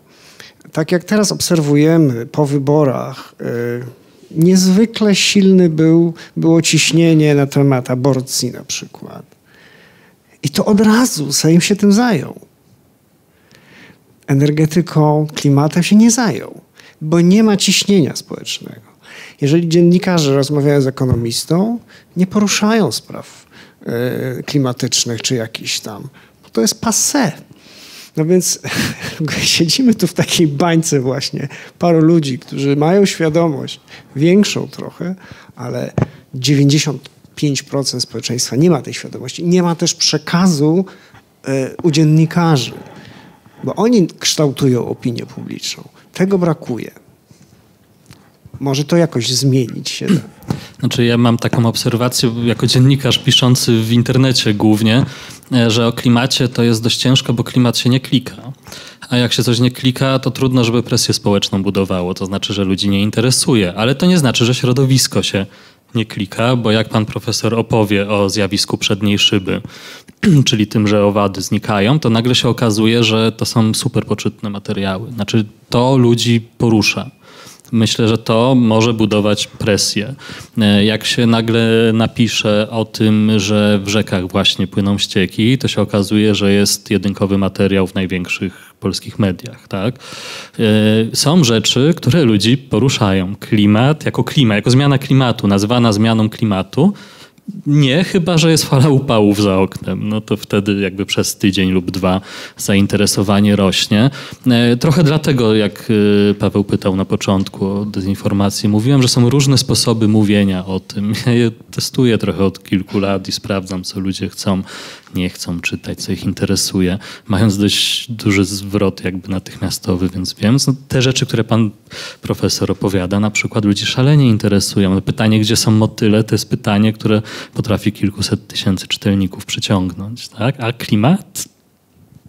No tak nie bardzo. No to już jest trudne, to już są jakieś wykresy, to są te stopnie, to są jakieś emisje, to są jakieś tam ppmy i to jest trudne, niezrozumiałe. Tak? Żeby to czytać, to trzeba mieć jakieś przygotowanie i trzeba się tym przejmować, a jednocześnie mamy za oknem rzeczy, które są z tym związane, dotykalne e, i je widać i je ludzie czują też intuicyjnie. I trochę zresztą y, po, to jeździłem za tymi dziewięcioma granicami, rozmawiałem, żeby to wszystko trochę sprowadzić na polski grunt. Y, tak też wydawnictwo chciało. No, ale też żeby... na przykład jako Smoglab macie, macie kontak- dużą taką e, przewagę, no bo w, jesteście medium takim e, bardzo nastawionym na kwestię te środowiska, jakości powietrza, klimatu, a jednocześnie mówicie o tym w sposób prosty, przystępny i też jest to swojego rodzaju walka też nad, z tą dezinformacją, która na przykład pochłania inne media, które czasami mimo chęci rzetelności ze względu na brak czasu, brak zaangażowania ze strony dziennikarzy po prostu łykają te fejki jeden po drugim i ta machina medialna idzie jeden artykuł po drugim. No, w mediach generalnie pracuje się też bardzo szybko, tak? I jest coraz mniej ludzi, którzy są przygotowani do jakichś konkretnych tematów, bo, no bo to kosztuje. No, media kosztują, a kliki można zrobić bardzo tanio albo bardzo drogo i to są te same kliki, jak chodzi o e, pieniądze. Ja się cieszę, że to mówisz, bo próbujemy, tak? Obrywamy ze to zresztą e, od wszystkich trochę, bo z każdej strony gdzieś, gdzieś jakieś pretensje do nas dochodzą. E, też z tych, które, które gdzieś bronimy pewnie w jakiś sposób. E, to może trochę jest tak dlatego, że ja nie, że nie jestem aktywistą, a trochę jestem. Znaczy nie jestem, bo jestem tak naprawdę dziennikarzem, ale kilka lat temu się trochę zaangażowałem w różne, w różne przestrzenie i jakby zaangażowałem się w jeden temat, e, ale nie mam takiej perspektywy właśnie, że, że mam agendę i mam tą agendę jakoś e, koniecznie pchać, więc nie mogę mówić o różnych rzeczach, żeby nie zaszkodzić agendzie. To jest bardzo częsta rzecz na przykład w NGO-sach ekologicznych. Tylko raczej staram się podchodzić do tego z otwartą głową i słuchać mądrzejszych od siebie i pomagać, i pomagać im dotrzeć do jak najszerszego grona odbiorców. Więc naturalny sposób, jakby jako dziennikarz i też dziennikarz, który się uczył zawodu w internecie, no, nie mam miłości do tematów, które się nie, nie klikają, znaczy nie czytają po prostu. No, robię to, co robię po to, żeby do ludzi dotrzeć, a nie po to, żeby mieć poczucie moralnej wyższości, że zająłem się tematem, który jest trudny i odpowiedzialny. Więc szukamy takich sposobów pokazywania tych spraw, no, które będą i zrozumiałe, i atrakcyjne. Myślę, że czasami się udaje lepiej, czasami się udaje gorzej, no ale, ale miło, że tak mówisz, bo to jest dokładnie to, co próbujemy robić, więc fajnie, że ktoś z zewnątrz tak to, tak to odbiera. Za mało takich dziennikarzy, którzy się tym tematem zajmują. A chciałem jeszcze coś e, optymistycznego powiedzieć. Nie mówiliśmy o tym, a jednym z przejawów tak zwanej nowej wojny klimatycznej, tego denializmu jest podżeganie do rozpatrzy że teraz ta druga strona nam chce powiedzieć, że jest za późno. E, poddajcie się. To już tak będzie. Ale ja e, mówię coś innego. Ja mówię tak, jaki wspaniały czas, żeby żyć. Bo my teraz, jako ludzie, jako gatunek Homo sapiens, możemy pokazać, e, no, że zasłużyliśmy na to miano e, człowieka rozumnego i pokazać i zacząć budować ten nowy świat. I w takich czasach żyjemy, kiedy stwarzamy podwaliny pod przyszłość, pod budowę nowej cywilizacji, bo ta cywilizacja, która, w której żyjemy, no, ona się rozpadnie. Wcześniej czy później z taką energią, czy taką i tak to się szlak trafi. E, ale ktoś, musimy budować podstawę pod nową e, cywilizację. E, stworzyć te podwaliny Jaki wspaniały czas, żeby żyć. Ja osobiście pracuję z, w tej chwili nad taką ideą symbiocenu, bo żyjemy w antropocenie, tej epoce, w której ten, ta presja na, na, na, na Ziemię jest bardzo widoczna, a my potrzebujemy symbiocenu, czyli takiej epoki, w której ludzie nauczyli się żyć w harmonii, we współpracy z innymi istotami, z przyrodą. W symbiozie. To jest przyszłość. Symbiocen. E, jaki wspaniały czas, żeby żyć. Dziękuję za tą pozytywną myśl. I już na taki absolutny koniec e, zadam e, do Tomasza takie pytanie, bo napisałeś w dedykacji dla Hanki, żeby wiedziała, że nie zgadzałem się z tym, co robimy z jej światem. Hanka to jest... No córka moja sześcioletnia. Jak rozmawiasz z nią na te tematy związane z klimatem? E, wiesz co, nie rozmawiam za wiele z Hanką na te tematy, bo myślę sobie, że Właśnie ktoś mnie zapytał jakiś czas temu, jak, jak rozmawiać i co mówić. I wydaje mi się, że tutaj nie za wiele jest y, do mówienia, więcej jest do robienia, więcej jest do pokazywania. To jest tak jak profesor Piskozub w jednej w rozmowie o morzach y, w tej książce tak skończył i mówił, w Perelu były takie kartki y, w toaletach wisiały, że jak się wchodziło, to było napisane, żebyś to miejsce zostawił chociaż w takim stanie, w jakim je zastałeś. Tak? Mówi, to, żeby chociaż tak było, żebyśmy tę planetę zostawili e, kolejnym pokoleniom w takim stanie, chociaż w takim stanie, jak ją zastaliśmy, to by było dużo. Więc sobie myślę, że zamiast jej opowiadać, jak bardzo jest trudno, źle i, i co się dzieje, e, to wolę postarać się zadbać o to, żeby dostała to, co ja dostałem, co najmniej w takim samym stanie. Moja córka już e, już jest profesorem na UJ, ale chciałem powiedzieć, że odnośnie e, dzieci i literatury dziecięcej ze, ze zdziwieniem, z radością odbieram, że literatura dziecięca dotycząca zagadnień zmian klimatu, przyrody, bioróżnorodności jest naprawdę fantastyczna. Niesamowite książki się ukazują, które mówią, opowiadają o tym świecie, w taki sposób, jak to należy robić. No, na polskim rynku znajdziemy naprawdę bardzo wiele różnych rzeczy. Odnośnie zmian klimatu polecam książkę e, Palmy, Palmy na biegunie, która świetnie opowiada o, widzę, że pani zna, o, o, tym, co się dzieje.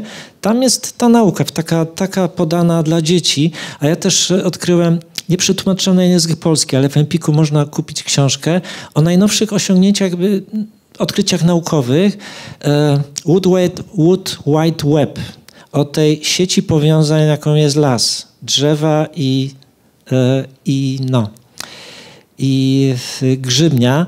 E, w piękny sposób książka dla małych dzieci, która opowiada o, o lesie w taki sposób no, w świetle najnowszych odkryć naukowych, w takim duchu właśnie symbiotycznym, bo jak się okazuje, las to jest wspólnota, przepiękna, przepiękna symbioza. Także polecam Państwu e, przede wszystkim dziecięcą literaturę, jak szukacie takiej prawdy e, o, o, o świecie. E, szczególnie jak, jak macie małe dzieci. Ja też odkryłem niedawno, ja nigdy komiksów nie lubiłem, ale moja znajoma namówiła, żebyśmy napisali artykuł o komiksach E, autor się nazywa Hubert Reeves, e, astrofizyk francuski, który się po prostu na emeryturze zajął pisaniem komiksów dla dzieci o przyrodzie. Seria e, fantastycznych książek. Myśmy pisali w duchu, w jaki sposób opowiadać o bioróżnorodności. Tytuły są po, po, co nam oceany, po co nam lasy, po co nam coś tam jeszcze. Trzy takie tomy. Literatura dziecięca, która opowiada o tym, o czym myśmy mówili, jest naprawdę dzisiaj Świetna, ciekawa. Tak, tylko tak sobie myślę, że jedną i świetną rzeczą jest opowiadać o tym, jak jest i co się dzieje i jak to wszystko działa, na przykład jak działają lasy, ale jest też taka, mm, e, takie ryzyko w opowiadaniu o tym, w którym się przerzuca odpowiedzialność trochę.